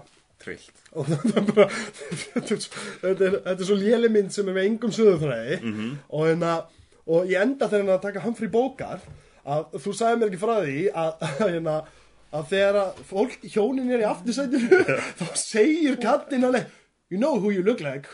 You sound like him too. Yeah, see Alveg svo Humphrey Bogart þannig að Þetta er einn bestu 20 mínútur í lífinu mínu skilur bara af þetta er svo mikið karakterbreyting. Og það er engin útskýring fyrir því. Hann er ekkert að reyna að fela sig eða neitt þannig og við eitthvað, yeah, see, it happened, yeah, yeah but it wasn't like that, it wasn't like in the news. Það er að að taka Humphrey Bogart og við eitthvað engan fucking sens, skilu Og þú veist, já, þú veist með hérna William Defoe, hann er líka. Já, já, Og síðan einhvern sköllóttan gauð sem við aldrei séð Aldrei. Og við aldrei séð aftur. Er bara hafa ekkert budget í þriðja þriðja já, Bara, já. Já, fengi einhver vinur bara til að koma inn augljóslega, skilu og hérna en, en þetta er ástæðan fyrir að, skuldina hans er ástæðan fyrir að hann er honum brandari. Mm og mér finnst svo ástæðan fyrir að ég vildi gena þátt er af því að mér finnst fólk í alvegni hunsa hversu hæfileikaríkur og hversu góður hann er í alvörunni út af því að hann skuldar peninga nefndi skattinu, hann er heimskur hann er að reyna að bæta það upp og reyna að græja sig og koma sér, heldur eftir tíu ára hann verður að gera svona mikið að lélegu myndum Mm, Sko, það er einmitt spurning Það er alltaf, já, góður og seinasta myndi Já. Og, það, og, og segjum til mér þess að seinasta myndina sem hafa verið mandi. Það breytist ekki neina máli því ég ekki sá hana. Nei, ég veit og það, það, það liggur vandinn í þessu sko, ef þú tekur tekur ykkur að þú veist, stóra mynd Já, sem mun koma út já, og hann er aðhluturki og það verður ro- alv- alvöru budget og eitthvað svoleiðis í það. já. þá muntu fá hérna fólk að segja að hann sé algjör meistari og þetta sé Já, renaissance og eitthvað Já. sem það verður ekki. Nei, þú getur tekið hérna Rustler sem dæmi Já, já, það var mikil úr já, Já, og, og, einu uppáhaldsmyndi mín, sko. Já, Það og er það er bara þú veist, þeir auðlýsaða vel. Mikið rökk ekki búin að sjást mjög lengi. Nei. Ég veist ég alltaf hverja var þegar þessi mynd kom út. Jaha, ég, ég hef bara- alltaf verið mikið úr aðdæðandi, sko. Hann er man crushið mitt Það var meðan crossið Já, en síðan séu myndina og eftir ó já, herri, þetta er, þú veist re rebirth og eitthvað svona já, skræftæ já. uh, tveim ára setna er hann búinn með þá inn í staði sko. Já, klára þá innstæði Út af veistu af fer, hverju? í kommersialmyndir og Já, já, en veistu af hverju? Út af hann hættir ekki að drekka já, Það var vandamálega, hann var alltaf fullur að berja leikstjórun á og eitthvað svona, hann var svo hættur að ráða hann og svo hérna tekur hann þetta hlutverk og þetta var rýpöld, en síðan er hann bara þannig að við áfram og pottit sama pláan á setti já, eh? og þá Klálega. bara, þá auðvitað skilur við fattar þá bara, já ok, herðu, við nennum ekki að standa í þessu það er ástæðan fyrir Mhm. við nennum ekki að standa í þessu til að byrja með skilur og en að og al, ég er alg, algjörlega að hann kláraði einu stæðina sína, hefur ekki sést í góðri mynd síðan síðan um, uh, síðan um, uh, Iron Man 2 já, sem var skemmtilega overhedge minn skilju, og hann stóð sér frábælega fór í þrjá mánu að læra rúsneska reym og allt skilju fyrir það og, og er virkilega góðu leikari. En uh, þetta er bara svona þannig þannig virkar þessi heimur. Þú getur alveg verið ógeðslega góður getur verið sá besti. En það er óþrúnd að vinna með þér. Já þá er finnum við búið, bara einhvern annan já, þá finnum við bara einhvern annan skilju. það er bara þannig skilju, bara allstaðar sko. Nick Cage mun sko, þú veist og það, það er með mál, Nick, Nick Cage mun lendi í ykkur svona mynd Já. við munum segja alveg, já, herri, hérna er endurhæfingin okkur leist uh, hann mun spandar eitthvað peningum í, þú veist eitthvað mammútafeldi eða eitthvað.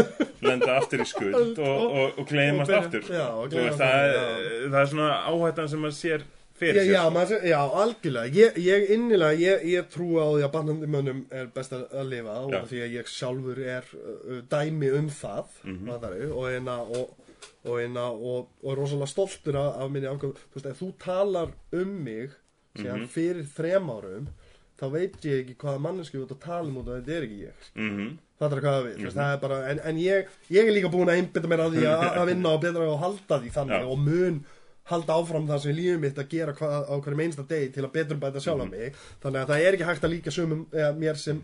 Sömu manneskinu, er fortíð mín og já, það var, ég var þannig það og eitthvað svona en það er bara ekki það sem ég veit í dag er ég kennari og kenni börnum og elska það og, og veist, og er góður kennari er að fara aftur að kenna næstu þú veist, og hef því líka ástriðu fyrir því og en að og, og þú veist fyrir þrem árum það veist, sá ég aldrei nefnt að standa í því skilu þú veist og nú er ég bara með ástriðu fyrir því að hvetja ungt fólki að fara í kvikmyndagerð. Það er það sem ég ástriða mín er bara, út að ég gerði það ekki mér langaði það þá. -hmm. Og ég gerði það ekki. Þannig að ég hef það að segja að það er enga að tapa skilu þú getur farið, þú getur gert þú gert feril úr þessu strax núna. Þú vart að vinna hart og leggja inn fyrir þessu en það er möguleiki, þetta er ekki eins og þegar ég var krakki og sagði, mér langar að gera bíómyndir. Það er bara, Friðrik þú gerir bara bíómyndir á Íslandi. Á þú veist, þú veist, það var, var bara þannig skilu þannig, að þetta er bara draumur. Og, hérna, og núna í dag er þetta veruleiki skilu og hérna En með, og þannig að ég, ég von alltaf innst inni að þegar þetta kemur um Nicolas Cage eða einhverjum Já. öðrum svona leikara Já. og en að, að hann fái rebirthið Já, sem hann áskilið að, vonandi, sko. En veist, við erum ekki að tala um sko, þú veist, Sylvester Stallone í þessu nei, Sylvester Stallone tekur, þú veist, sama dæmið. Já, hann er uh, ha, í háum sko, svona, meti mjög mikið. Góður leikari. Mhm. Óskars veluna hafi fyrir besta handrit. Já, góðan Rosalegur rithöfundur. Rosalega reythöfundur Já, síðan lendir hann í bara, þú veist, einhverju samkeppni sko, einhverju tippakeppni Svarsnegger Já. hver getur gert bestu já, hasamiðna já, algjörlega. Og fólk, þú veist, ekki slæmi myndir en fólk alveg, já, ok, nei, herru þú veist, glemum þessu. Já, einmitt. Uh, þú veist ekki maðurinn, þú veist, þú veist ekki setni koma frelsaðans og eitthvað svo leiðis Já, sem er sko, uh, Stallone er ástríðumæður fyrir Edgar Allan Poe. Hann er búin að vera að skrifa Edgar Allan Poe handrið í 30 ár og getur ekki sleppt í út af alltaf að gera betra og svo, þú veist, hann er alvöru alveg reythöfundur Já. en síðan fer hann til með svo býðið sem mynd sem enginn hefur séð nei, nei, nei, nei, nei. en er besta mynd sem Já, til er algjörlega, þú veist, algjörlega, ég sammálaði og, og, og, sko. og, þar, og þar ertu með og núna er hann síðan að loksins að fá aftur upp það sem hann átti Já, skilur, já, Golden já. Globe velun og eitthvað Já, svoleiðis algjörlega, algjörlega fyrir hérna Creed til dæmis, eru, Mhm. það eru búin að ná aftur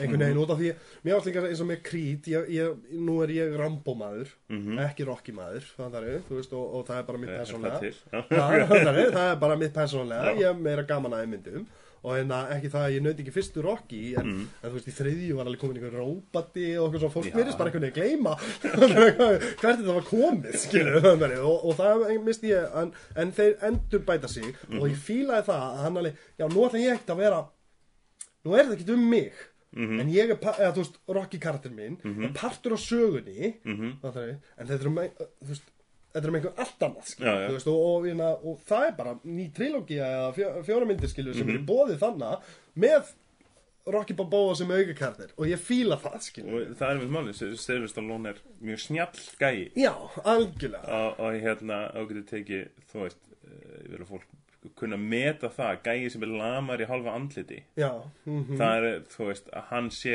að fá eitthvað velun fyrir leik. fyrir leikli skilur það, það, er, það, þú veist, já. það er eins og að vera sko fótalus í fótbolla og þú ert getur ekki gert skora andlit expressionli þú sem þetta er. helt mikið og, og Messi Já, það, já. er, það er það er rosalega vel gert hjá honum. Mhm. -hmm. og það er svona eitthvað sem Nick Cage hefur ekki. Nei, vonandi, nei, nei, vonandi, já. vonandi þú veist, eh, það er svona, ég vil tala um svona innri gáfur eða eitthvað já. skinnsemi algjör, og það er algjörlega. vonandi að Nick Cage kunni það Já, að því að það- hann það- virðist núna geta fara að gera myndir sem hún finnst bara Já, gaman að hann gera er og hann að elskar að leika þannig að hann leikur líka í öllu það er, Já, það er já bara skuldirna sko. en, en það er líka, hann er búinn að vera að ræða það að vonast til að geta fært sig fyrir aftan myndaðalina bráður. Mhm. Þú veist, út af því að hann er alveg meðvitaður um og það þýðir fyrir mér að hann er farin að sjá fyrir endan á skuldum. Já, Fattar, þú veist, að, að þýðir það, hann er farin að sjá fyrir endan Mhm. þessu. Hann er farin að já, þú veist, ég, ég vil ekki vera lengur brandarinn, skilur, mm fattar, og mím, já, Já, já, í, þú veist, það er, núna er allt sko mýmið að breyta Nicolas Cage andlitum Mhm, allstaðar, já, já, skilur, já. fattar hvað Já. Við, veist, hann er í öllu, skilur, og hérna, hann vill ekki vera það, og ég er einmitt, ég er að vonast til að hann takir rýbörðið, Mhm. en, vilja, nú skulum við fara í senustu tvær myndina sem við ætlum að ræða hérna, við erum, Mhm. þannig að, við erum komin yfir klukktíma, þetta verður lengsta podcastið til, til þessa, en við erum tvær myndir eftir, já. byrja að segja okkur frá, Snake Eyes já, Snake Eyes er, er snildamynd leikst til að Brian De Palma Já. gæðin sem gerir Scarface. Já, þú ákvað það, ég var búin að gleyma því þegar ég horfði á það, sko. Já, Brian De Palma er gæði sem held að vera mikið meira metinn á næsta áratug eftir hann hættir og er dauður og eitthvað svo leist Já. þá er alveg, já, veist, kemur eitthvað svona frétt Brian De Palma dauður, mm. leikst eitthvað þá fyrir fólk eitthvað að kíkja á hann. Kíkja á hann, þá mannstal, já hann gerir þessa mynd, hann gerir þessa mynd, hann gerir þessa hann mynd, skilur gerir trillt mikið af myndum. Uh, skrifu síðan, myndin líka skrifuð af David Kopp sem er gerði hérna aðstóði við að skrifa til mér fyrstu Jurassic Park myndina Já, já, og myndum með tvö hefur ge- skrifað alveg heilan helling og þérna 2,3 miljardar dólar wow.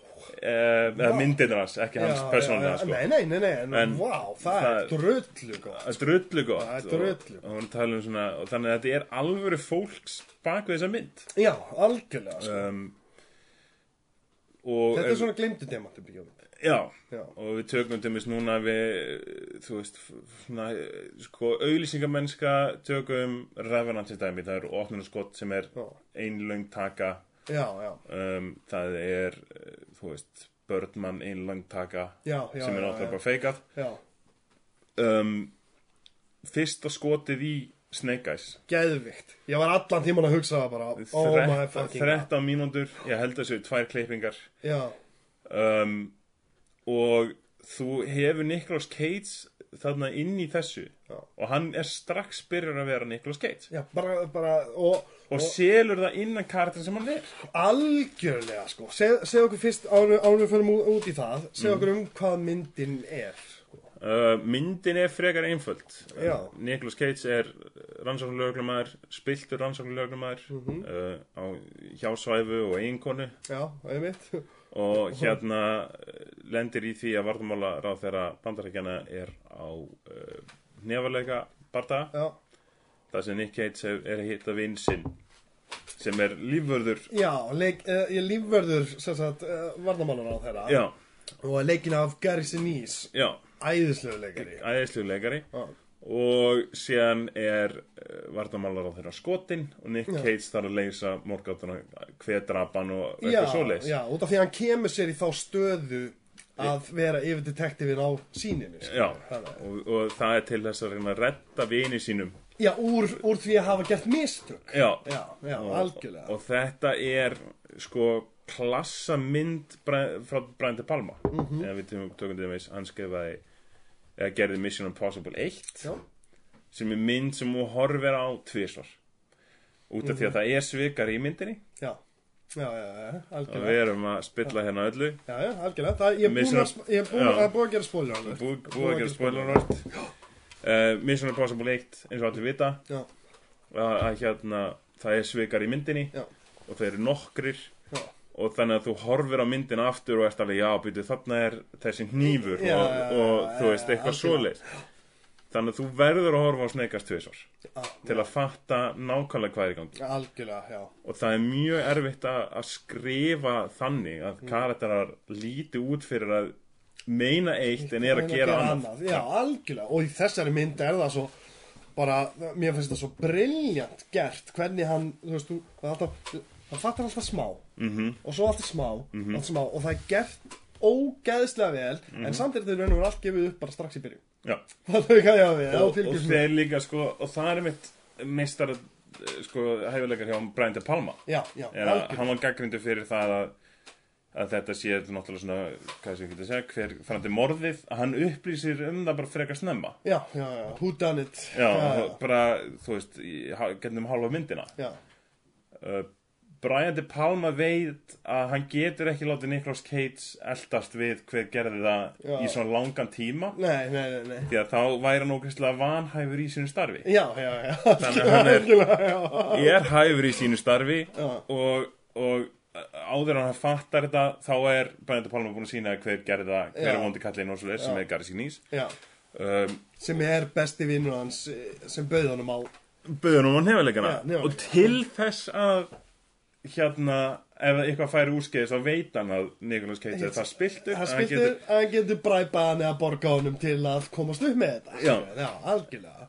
Og þá og hann segir það bara meira að við hann í einu aðriðinu já, það er frábært frábærlega vel gert. Já, og það er eitthvað sem sko, þú veist, er svona spenna, ef við getum sett sko, eh, það sem Brian De Palma gerir í Anda Hitchcock. Já, uh, þú getur haft sprengjundu borði og sínt fólk vera að tala við borðið. Já, þú verður að sína sprengjundu já. því annars springur hún bara allt í einu Já. og það er engin spenna í, í, í frásögninni já, og það er einmitt sem hann gerir með því að sína svikin er að, er að þú ert, ó já, ok, hann veit ekki af klemmunu sem hann er í Nei, nei, en hún er til staðar. Og þá fer það að snúa svolítið um hérna um, hvaða svona ákvarðanir Cage tekur í myndinni eða persóna hans náttúrulega. Já, já, já. og eh, þetta er svona í, í sko ég myndi segja bara svona fjórar og Ég er fjóra ára hálfur Cates mynd. Ég, ég, er, ég er sammálaður jafnvel fyrir auðvitað sko, það er í lokin sko, þá er já, já, í kreditlistin er meira sér líka löngtaka sem Já. er eitthvað 8 mínútur. Já, sem er, sem er rugglað mér fannst það geðvikt og tekur hérna og sýnir svona afdrif einna personu að hérna sér rauðan svona rúbíring já, inn í einhverjum steipuklömpi fyrir utan hann lætur svona að kemur með svona svona glampa í rúbíringin svona raukt mhm svo ógeðslega ljótt og aðstæðlegt að ég tek halvan Cates fyrir það sko. Já, ok, ég ætlum bara að meina það sem ég fílaði mitt var, var sko að það er sínt hetju lögga fer í frí eftir Já. með sinni sínu. Svo bara eitthvað hetju lögga, er spilt lögga þannig að við ásakarni komið upp og eitthvað svona. Og þá er þetta bara alltaf hann að byrja að flýja fjölmiðlana og allt svona. Og svo bara endan er hann að hitta gæluna sem hann bjargaði. Og það er bara eitthvað, já Ég er nú að fara í ferðalag, upstate, skilu og það það- það er að fara í fangelsi út af því að hann er bara dæmdur síðan, skilu og, og það fílaði ég ógeðslega mikið í myndina, skilu Já. þú veist, þetta var ekki svona eitthvað turning point sem breytt honum í hedjulöggu og hann var góður eftir það. Það var bara, nei, nei, allt annað kom í baki á honum fyrir að hafa gert þetta. Ef hann hefði tekið peningana þá hefði hann og það er það Það sem segi slátur, við hann sko, það, þú veist, einmitt, sifislega ákvörðin er ekki það að hann bjargi stelpunni fóði pening, bíl eitthvað svoleiðist, Já. það er þú tapar öllu og bjargar stelpunni. Já, og hann bjargar stelpunni út af því að hann verður einhvern veginn að gera það. Já, já, bara út af því heimurinn að er það spiltur í Já, heim, kringum já, heimurinn það spiltur í kringum hann og hann tekur afstöðu í myndinni þar sem hann er að hugsa þegar Garrison Ease er bara, hann er búin að fatta þetta og, og Garrison Ease er bara er, hérna, Mhm. Þú veist, bara hérna, þú veist, þú er að hérna, taka peningana, takta peningana, gerði þess og gerir alltaf takta Mhm. peningana, svona, hann bara þú veist, og þá heyrir hann skilur, þetta er ekki valdir drepin mitt, segir hann, Mhm. það er eitthvað já. og það, þar er, sko Það- lín, þar er línan hans, skilur, Mhm. það er línan hans stendur á því að, ok, það getur tekið peninga frá dópsölum sem er að selja dóp og eitthvað svona, fær peninga og hann veðjar og eitthvað svona er spiltur, skilur Mhm. en að vera ábyrgum fyrir dauða eða aflífin einhvers. það þar er línan hans Mhm. se- sem er, veist það er þó einhvað redeemable við karakterinn hans, og þar að leiðandi ert alveg það er þykir væntu hann Mhm. mm það er út af í byrjun er hann svolítið bara eitthvað að reyna á gæluna og þú upp á stæla mín og, og eitthvað svona Mhm. skilur tala um konuna sína og kærustunum sína skilur það er þú veist allt bara í ruggli og þeir setja upp sko á fullkonan hátt Mm. sko allar personar sem þú þarfst að vita. Já, og, og jættvel sko byrjun og skoti er á þessum netti sem Já, er kasínóin já. sem mun spila síðan inn í. Inn í, og þeir, það er Brian De Palma að vinna bara mistaraverk sko. Algjörlega, ég það er, það er fréttamaðurinn í kindur, það er dópistinn þú veist, það er, er nefarleikamaðurinn og það er persóna Nick Cage. Já, og síðan er einmitt þetta Lucky Number 7 gellan. Mm, já, það kemur inn setna já, já, já, þegar Nick Cage man alveg, já, byrju, ég sá hann og þá var hérna myndavel eitthvað fljúandi í veist, allt já. þetta er sett. Allt er fullkomlega saman á fyrstu 13 mínútur og, er- og allt hefur aðra meiningu setna mér þú já, og þetta er uh, sko, þú veist, einmitt tökum sem dæmi, hann talar við hérna, veðmálara já, já, já, já, já, og veðmálarinn segir alveg Það var pyrraðar í byrjun, pyrraður í byrjun. Herri, ég ætla að setja hérna 5.000 dólar á Champin, skilur ok, uh, veðmálarinn segir nei ég ætla ekki að taka þig. Og, og þú veist alveg, ok, býtu hann veit að Champin er að fara já, taka dífu og hann vill ekki taka peninguna frá Nick Cage. Að Nick Cage getur komið upp um það Já, ef hann er dífu að þú veist að, hann vill ekki taka peninga frá honum Já, já, og þess vegna er hann pyrraður og eitthvað Já, svo leis mhm.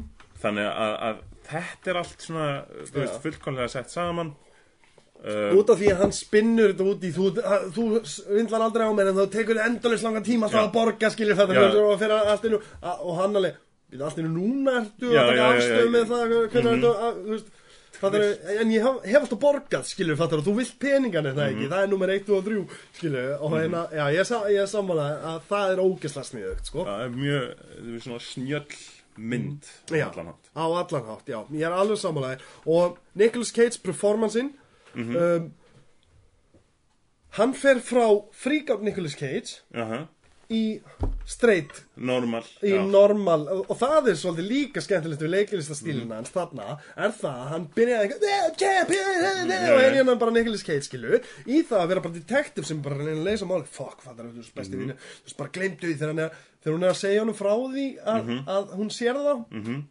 þegar hann er hann bara, nei, nei, nei, þú getur ekki verið á ekki, þú veist, það er alveg hérna, skilu, og hérna, og, og það fannst mér einmitt, sko, það fannst mér einmitt, sko, það var svona, hann, var Nicolas Cage, en ekki við strikki Nicolas Cage, Nei, hann, hann, hann, kann þessa línu, og notar sem Já. mjög kaltanislega á til dæmis á, á box nefnilega kappan setna mér já, já, og þú veist, og er, er alveg eins og notar það kaltanislega og eitthvað svo Já, og það er uh, þú veist, og þetta er eitthvað veist, virkar eina kart sem er Já. en það ertu líka með Brian De Palma sem er með þeirra leikstjóri. Já, algjörlega, og, og hérna góðan handrisjöfund og eitthvað svo leis já, og, að- og Gary Sinise og allir þú veist, þeir eru vita nákvæmlega hvað þeir eru að gera. Já, algjörlega, en bara mjög algjörlega. vannmeti mynd og, og hefur rúglega farið fram hjá já, mörgum, og mörgum, og hann ég er alls og samanlega, þeir sem eru með Revenant eitthvað svona kjaftaði sko langatakan í, í Snake Eyes er að fer inn í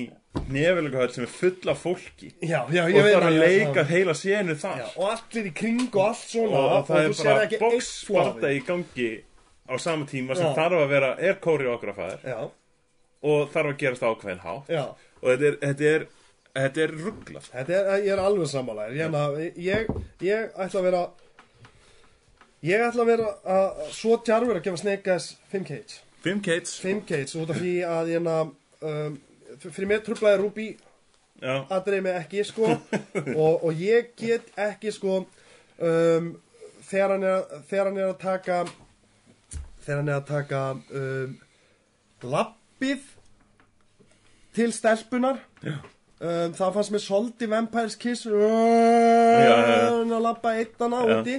En, en, en, en samt sem áður fullkomlega búið að berja hann í stöppu af champinum, skilur við fattar hvað við að það meika alveg sens og hann er bara, Mhm. bara að reyna að rétta hann á og svo kemur eldingin og hann sér Garrison Ís fyrir aftan sig, skilur við og, hérna, og það, allt hvernig það spinnst út fannst mér frábært, skilur við það var bara ógislega vel gert. Þannig að ég vil gefa henni 5 cage.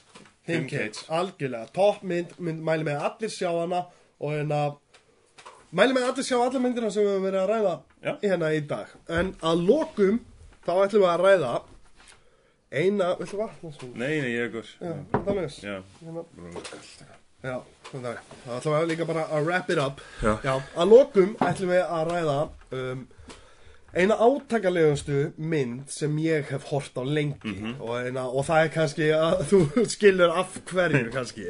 Og eina, það er mynd sem Nicolas Cage vann Óskarsvelunni fyrir.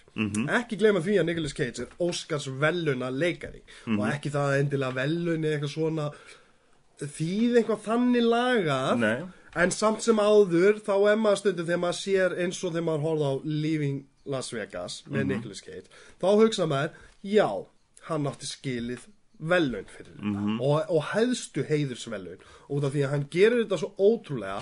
Og Leaving Las Vegas er, er mjög mjög einföld mynd líka. Þetta er rithöfundur, handrithöfundur sem er sagt upp í byrjumyndarinnar og hérna fer til Las Vegas til að drekka sér til dauða. -hmm. og þar á leiðan þar á þeirri ferð hittir hann uh, vændiskonu Sera og sem hérna uh, vændiskonu Sera sem hérna sem um, hann verður ástfangin af. Um, og hún verður ástfangin af honum.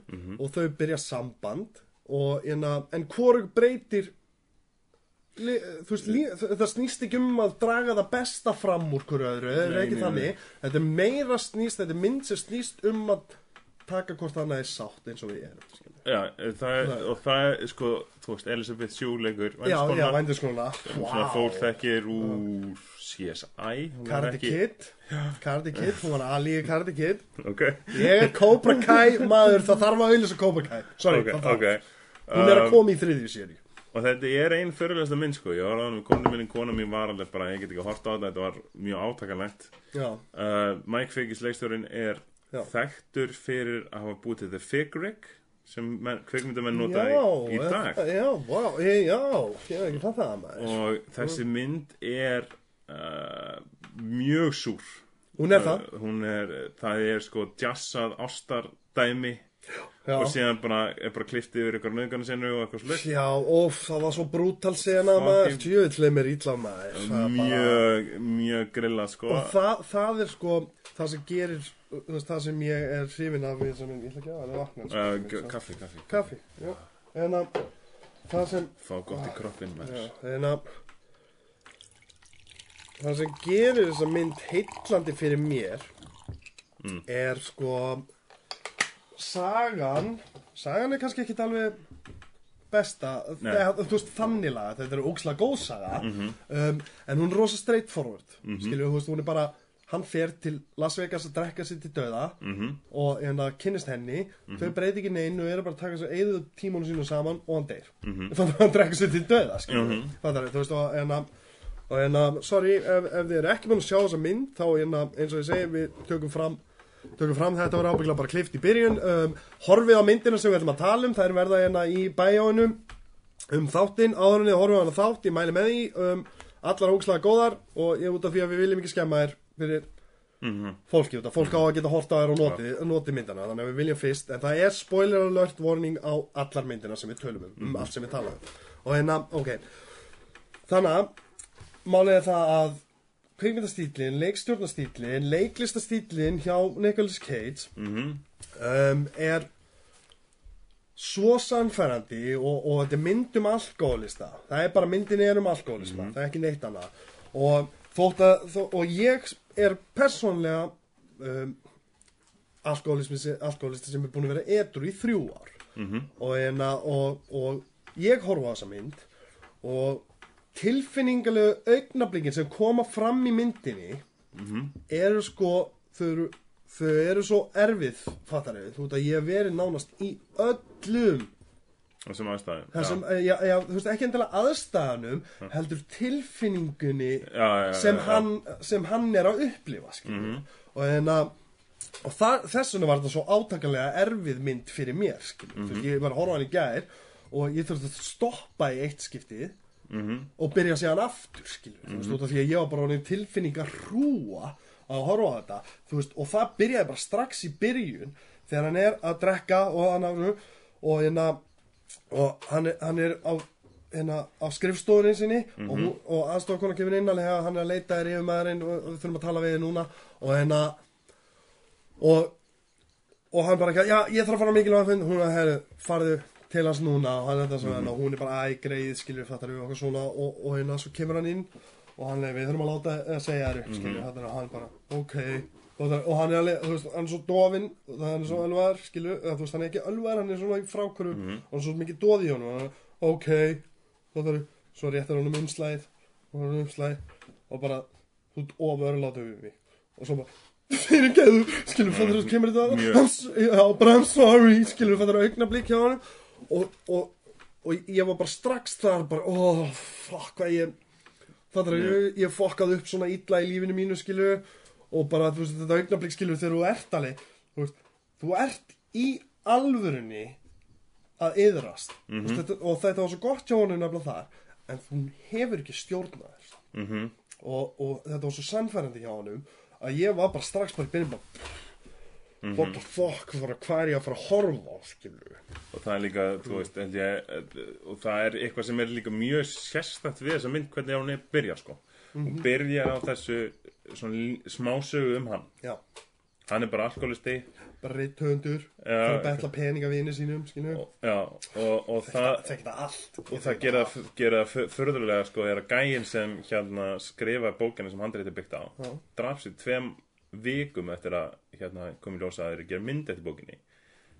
Bókin var bara sjálfsmórsbref í alvörunni maður. þannig að þú hefur er og það bygg, byggir, byggir á hann var honum. svona mikill alkoholist að hann var mjög mikil alkoholisti já, og þú tekur samt þessa byrjun. Eftir að þetta þú veist, það er eina ákvörðin sem hann tekur í myndinni er að ég ætla að drekka mig hér já, ég ætla, ég ætla bara það er- frækmyndi döða og það er ekkert sem breytir þessu ákvörðin Nei.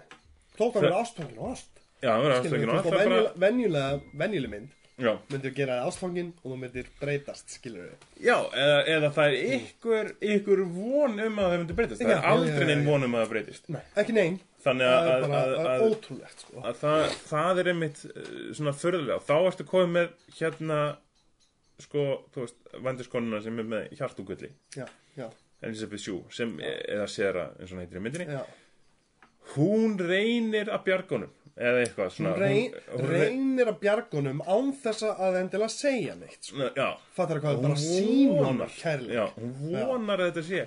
Og hún er þá eini aktifi aðilinn í myndinni. Já, og það, og það er svona kannski eiginlega svolítið myndina fyrir mér. Já.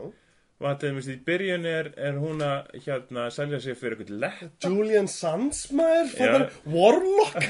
Já. það getur Warlock myndunum. En, það, en, en síðan er hann eitthvað já, þú veist aldrei komið eitthvað aftur og eitthvað. Og hann, hann er komin eitthvað að geðklofa Ge- eitthvað. já, eitthvað svo geðróf dæmi. Já, já, já, bara og, og, og, þú veist, hún skilur samt pening eftir hjá honum og síðan lappar hann út og sér að hérna einhverju, það eru uh, svona í, í lýsingunni þá er þetta einhverju pólskir já, uh, mafjóðs að koma bara drepa hann. Mhm. síðan það er bara búið, þannig að það var algjörlega tilgangslöst og ég alveg bara, já, já.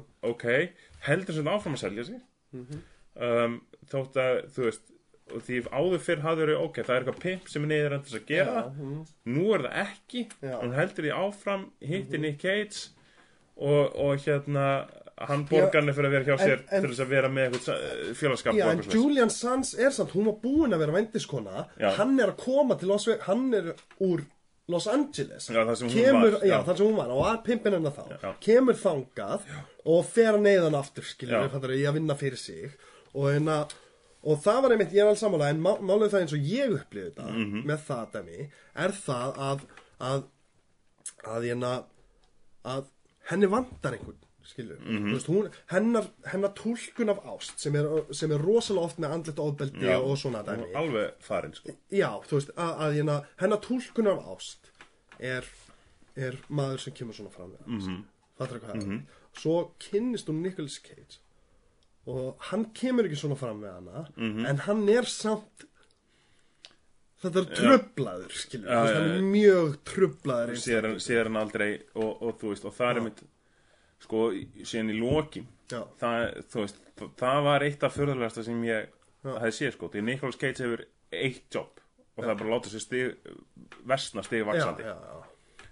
gerir það mjög samsfærandi það er eitt atrið það sem hún er inn að tala við hann og hann er alveg tómur já, þegar hún er hausnum. fara til læknis já, og, og hann er bara horfir á hann eins og bara, Hann er bara glær. sjá, glær Já, bara, bara glær já. algjörlega rosalega vel gert hjá hann fólki vel gert byrja hann að blá ja, með shakesinn lappar tekur flöskunar og fyrir sturtu og er að þamba tvær flöskur af vodka á meðan hann er í sturtunni svo kemur hann þannig einmitt bara, alveg bara, bara alveg deadfaced á hann sko.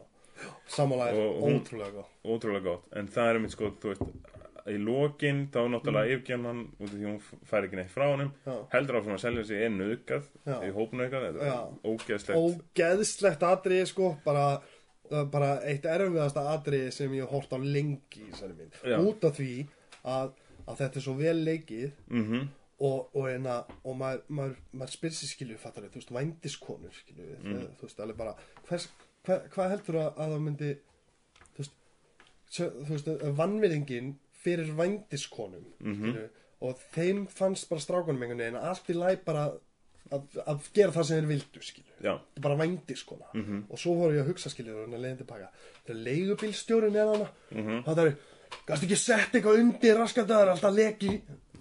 Sæti mitt bara verið fokkin drulla yfir hana skilju, hún er barinn og allt svona.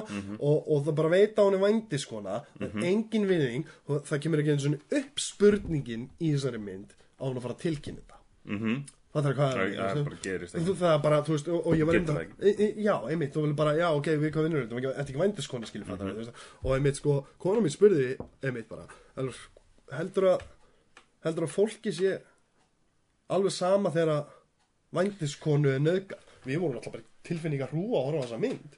Og maður er alveg bara svona það er ástæð fyrir að, að það er sínt að hún tilkynni ekki. Já, og það, og það er einmitt sko og síðan leiður út í mjög fyrirlegt já, hún fer til hans hann er hann alveg döðastir og síðan er hann bara eitthvað, er ég með ógæslega bónaður og eitthvað tralala. Sefur hjá já. og síðan deyr hann hann í einhverju já. furðulegustu svona frelsunar senu Senu, sem já, ég sé sko þetta er eiginlega svona reyna að gefa þetta í að sé eitthvað frelsun eða eitthvað. Og- og að það það- vildi ekki sofa hjá henni alla myndina Já, og það, það var einmitt sko, þú veist, átaka þú veist svona, mið, sko, mynd, myndin einhvern veginn sem reynir að gefa til kynna. Já, Eða ef þau sofa saman já. þá verður honum bjargað. Já, já, já, já og, þa og algjör- það algjörlega. er svo ógeðislega skrítið Já, út því af- að maður er einhvern veginn það, það er svona, þá, þá fór ég að svona að þetta er svona kannski smá Já, já, problematíst einhvern veginn en hún er samt já, já, já, ég held ég viti hvað við Já.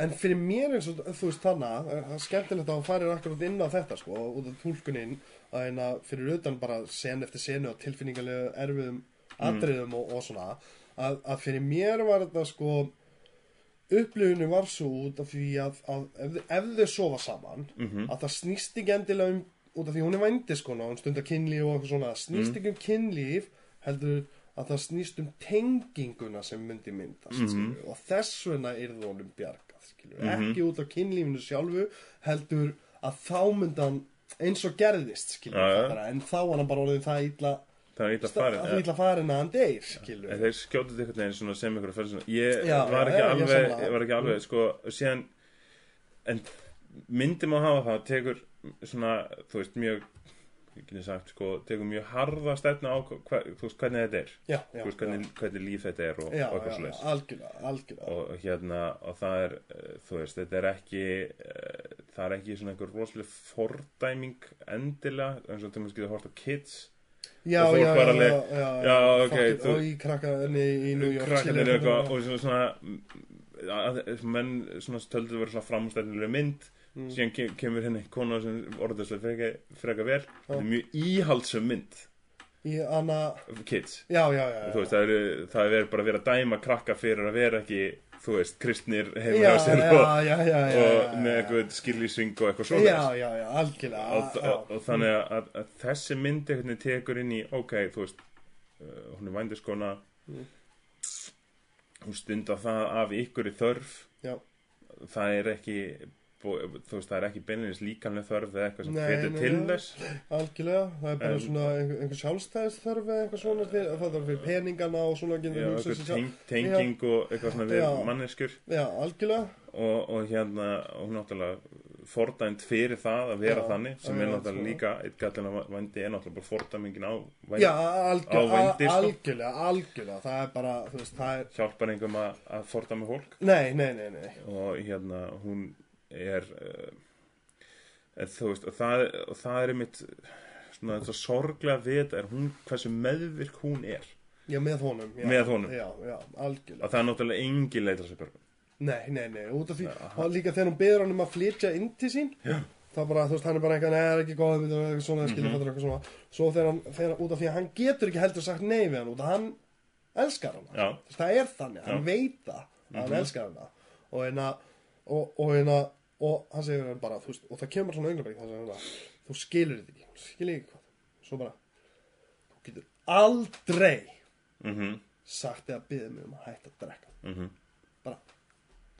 aldrei, skilur, Mhm. sama hvað skilur. Mhm, og hérna og hún bara, já, ok, ég veit, ég skil það skilur. Mhm. mm og, og svo sérðu það á henni hvað henni langar svo mikið að segja stoppa þau mm Mhm. það er ekki gera þetta mm og það er, það er það sem er svo af því að það er allt gert án orða. Mhm. Hún gera það einu sinni og þá er hann, hún búin að brjóta tröstið já, og þá fer þetta bara veg. Já, þannig að það, þú veist, þetta selur mann alltaf það það er engin önn laust já, já, já, já, algjörlega. Þá fer hann bara út fer, kemur með aðra vændiskonu heim er þannig, út af hann bara, já. Sem er hérna uh, leikin að Law and Order. Já, já, Special Victims og maður er alveg, ok, þetta er mikið af svona CSI Law and Order fólk í þessari mynd.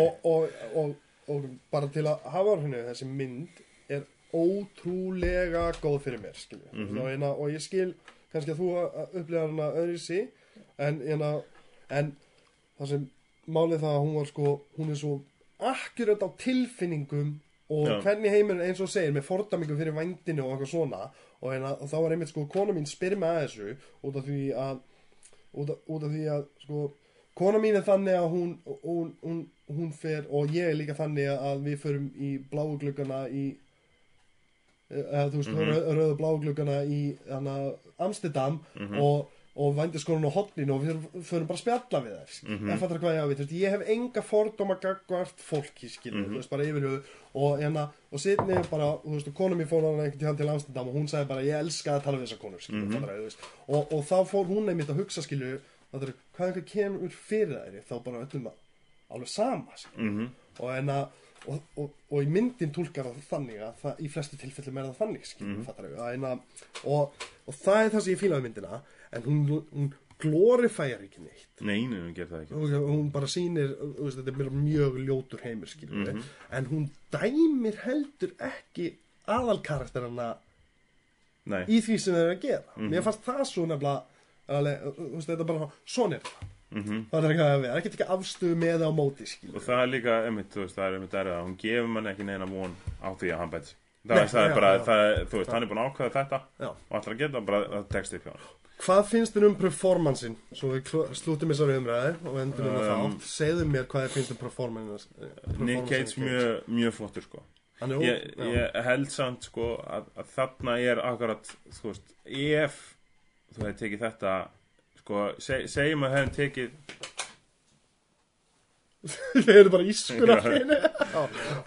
Ef þú hefði tekið hérna uh, hvað hétti hann hérna? Fucking Bradley Cooper myndin. Anna, Anna, uh, Anna, uh, A Star is Born. Star is Born, já. já. Nick Cage hefði geta gert það þú veist, ef við hefði tekið eitthvað svona stórt dæmi já, já, sem væri jafn vel gert já, þá hefði þetta verið, veist bara eitthvað sem allir hefði munað eftir og, já, þessi mynd, Já, já. já, ég skilji, eins og að- Starisborn Já. því að veist, það er, veist, það er commercial appeal og eitthvað já. er um svipaða persónu, algjörlega, algjörlega. Mjög, mjög svipað og, og performancein álíka raunverulegur og allt svoleiðis. Algjörlega, og það er kannski svona eitthvað sem þú veist, maður missir svolítið margs í þessu. Já, já, já, já Er- já, já. að það, vant, það vantar ykkur svona uh, þetta er náttúrulega gamalt mjög ódýr mynd. Já, þannig að, að þeir, þú veist, gerða eins vel og gátu. Já, en, en fólk, þú veist, það hefði verið kannski svona auka skoti að kameru Já, dæmi sem hefði kannski getað ítt undir er, hjá honum. það er í raun og veru já, en það er í raun og veru performancein sem þið finnst sem í raun og veru heldur já, öllu skilju, það er, þú veist, það er út af því að, því sem ég heyrist þá þá varst ekki alltaf hrifin á sögunni. Nei, nei, það er, það en er svona þú veist, hún var, var góð ég, ég fattar hvað það átt við, sko. Og hérna, og, og hérna Nú hljómaði svona eins og ykkur nazisti að það var að vera hérna, eh, þú veist, ákveð, ákveð átaka miðja og eitthvað svolít og þryggja nei. struktúr og En, eitthvað þess, en ég, ég veit hvað þú átt við Já. að það er samt ástæð fyrir það eins og að Starisborn nær þessari aðtikli og allt það skilju og þessi náði ekki þessari aðtikli ég þróun hjá person Já, og það er ástæð fyrir að hann vann bara Óskarsvölum já, fyrir myndina, myndin vann ekki fyrir bestu mynd en hún var tilnæmt og Mhm. Elizabeth Shue var líka tilnæmt og svona. Og en að og, áherslan í myndinni hefði mynd má, mátt vera meira Elizabeth Shue mynd. Og Já, að hún er meira aðal persóna innan þess ramma, og hún er að gera eitthvað ákvarðinir og taka eitthvað Já, hún er, já, er að vill þegar hún byrður hann um farið til læknis. Já, það er þá er hún að reyna að skilju. það er algjörlega. Og hefur meira áhrif að, veist, þannig að veist, hann er bara eitthvað svona, þú veist, mjög flott flakaka sem er hann liggur í rúminu. Já, og hún er, að að reyna, hún er að reyna að bjarga, þú veist, þannig að maður svona Já, ég skilji, ég skilji hefði vilja sjá meira bara út frá henni. Já, og hann er þá fengið sko eh, sko best supporting actor já, já, já því að ég algjörlega, fannst algjörlega. hann ekki vera aðhlutur Út af því að hann er fyllir, aftur hún er, já, algjörlega, ég skil það. Og hérna, hvað marga keitsa? 3,75 3,75 keitsa Og Já. það er aðlega byggt á performanceunum í myndinni. Já. Já, ok.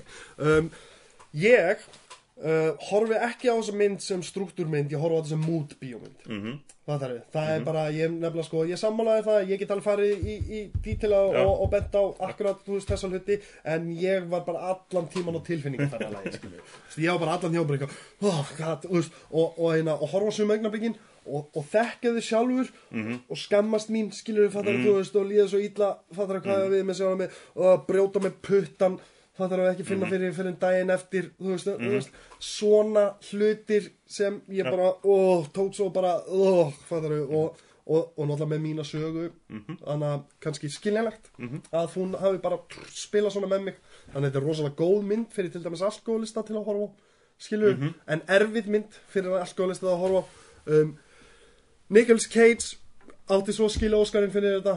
Ég ég bara, þú veist, hann, hann, hann, var með, hann var með gaur með sér sem var alltaf fullur inn á, inn á trailer allan tíman í tökum. Hann, hann, já, hann þetta fordama fyrir meðvirkni í því? Já, en, en stunda þess að, að, allir þessi sem hefur leikið Róna og svona í gennu tíðina, hann hringdi í þá alla horfði á alla myndina þeirra, spurði hvernig þið gerði þetta. Hann var að taka sko, hann drakk ekki neitt alla myndina, þannig, en tók sopa og, pff, og spýtti út bara til að fá bræði og munið að þú veist þá kemur svona tilfinningi og það í gang. Og en að og fucking brillera bara í hverju einasta atri var ég bara oh my god skilju þegar hann lögguna þegar hann að þampa voggan og nú er svo ekki löggan og hann er svona að horfa og svo byrjar hann að horfa á hana til að sanna að hann sé ekki það er þú veist út af því að það er betra að horfa beint í augun já, og hérna í, í staðin fyrir að líta undan og fela sig skilju þetta er svo hiding in plain sight dæmi skilju já. og hérna og svo leiðan kynni í burtu verður það þampa skilju og það er, það er líka svona, þú veist, ef við fyrir áttin í Vampir Skiss og þú veist, Já. samfélaginu sama og eitthvað slis já. Er að enginn tekur ykkur stjórn eða gerir neitt. Já. þú veist, það er bara, þú veist, alkoholisti, þú veist, nuisance. Já.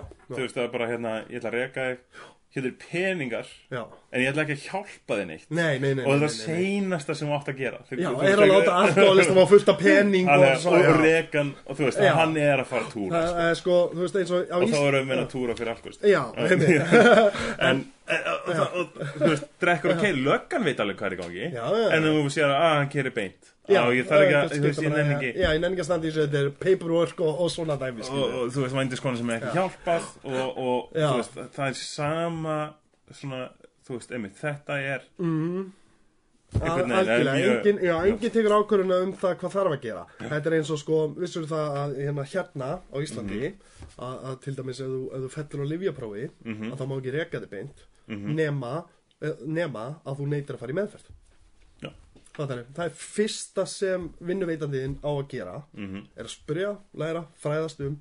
Ef það er vandamál og býður henni meðferð. Ef þú segir já, þá má hann ekki reka þig skilur. Mhm. það þarf, þú ferðu, tekur það á meðferðin og eitthvað svona. Og það er á, þú veist, e, þú veist fólk gleymir stundum að Ísland er alveg gott í sömu málefnum það er, það, þannig á að gera þetta. Það á ekki að fara að, þú veist, þú mæti fullur í vinnuna drullar í byrtu hver mæti fullur í vinnuna nema Skilur ég er alveg svona áttu ekki frekar aðeins og og pæla hvað þú getur hjálpa ekki þú setur ábyrðan yfir til já. þú ferð í meðferð en við rekum. Já. þú veist, þannig að, að þú veist, að, að hérna aðilin sem fer, þú veist, ef hann segir alveg nei, ég ætla ekki meðferð og er síðan rekin, Já. þá getur hann ekki verið fúll sko. Nei, nei, nei, nei, nei og þú veist, og það eh, svona hjálpa til, sko. Algjörlega, algjörlega. Og, og ég ætla að gefa þessari mynd Fjóra og hálfa Nicolas Cage. Fjóra hálfum Af fimm, það er af fimm. Fjóra og hálfa Nicolas Cage og hérna algjörlega út af bara mútið er allan tímann samt konsistent Mhm. skilju, þú veist, þetta- er bara mút bíómynd þetta, er- þú horfir ekki á þetta endilega fyrir sögunu þú horfir á þetta fyrir tilfinninguna. Og hérna og þetta svo sannlega tók mig á tilfinningaferðalag þar sem ég var bara í, í taugar húu Mhm. mm -hmm. tók mig lang, er, langa tíma þetta tók mig pásu og allt að horfa myndina.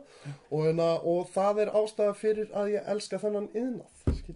Það er bara akkurat ég vil gráta yfir túrtabauðlýsingum Mm. þú veist út af því að ég vil nei, þú veist ég er að segja ég vil, ég vil mút og einhvern sem dröður fram tilfinningum já, ég grenju hlátri ég, vil, ég vil gráta, ég vil vera hrættur og Mm. hérna, það er myndir sem gera þetta við mig og hérna, það eru upp á smyndina mínar þannig að þessi fær fjóra hálfan algjörlega fjóra. Nicolas Cage, já. En þetta er bara að komið á lokum. Ég trú ekki, þetta er lengsta podcast ábygglega sem við höfum tekið, það voru ógeðslega gaman að ræða við þig. Já. hlaka til bara hvað, við vitum ekki, við ákveðum að næstunni hvað við ætlum að taka næst, við gerum Mhm. fleiri svona þætti. Út af því að þetta er ástriðan okkar. Við elskum guðmyndir, við elskum góða leikara. Og hérna og ég elska Villa og minnst ógeðslega gaman að spjalla við þið er Ok. ótrúlega væntu að fá því hérna og sérst til í þetta að gera þetta með mér. Og hérna og, en, en nú er bara komið að lokum. Okkur laka til bara að sjá hana, viðtökunar og ef þið eru með endilega ef einhverju er með uppástungur einhverju sem þið langar að vitum eða einhverju sem þið langar að taka fyrir varandi kvikmyndir þá er uh, ekki spurningum bara að kommenta eða, eða, eða senda okkur uh, post á elvaratxxcheck.net og en að endilega munu bara að læka og subscribe út af því að það hjálpar okkur. Við erum á öllum Apple podcastum og Spotify það má endilega followa líka þar. Maður er að reyna að plugga þessu öllu sko þú veist út af því að það munar öllu fyrir okkur, við elskum þetta við viljum halda áfram að gera þetta og, og bæði fyrir okkur og fyrir ykkur. Og bara takk hérlega fyrir okkur. Takk fyrir. Já, já, en, en viljum við viljum líka í það þú mátt alveg segja bæ. Já, já, verið blessuð snillíku verið blessuð verið blessuð ekki neita ég til lifja Já, algjörlega, þannig, og, og drekkið hóflega. Já, Já, drekkið hóflega. Þannig, verið góðu hvort annað. Og verið að drukkin Já. Hvað er að halda áfram? Við verðum með bara 20 mínútur inspirational speech í restina Takk hérlega fyrir okkur, við sjáum okkur næsta þætti. Takk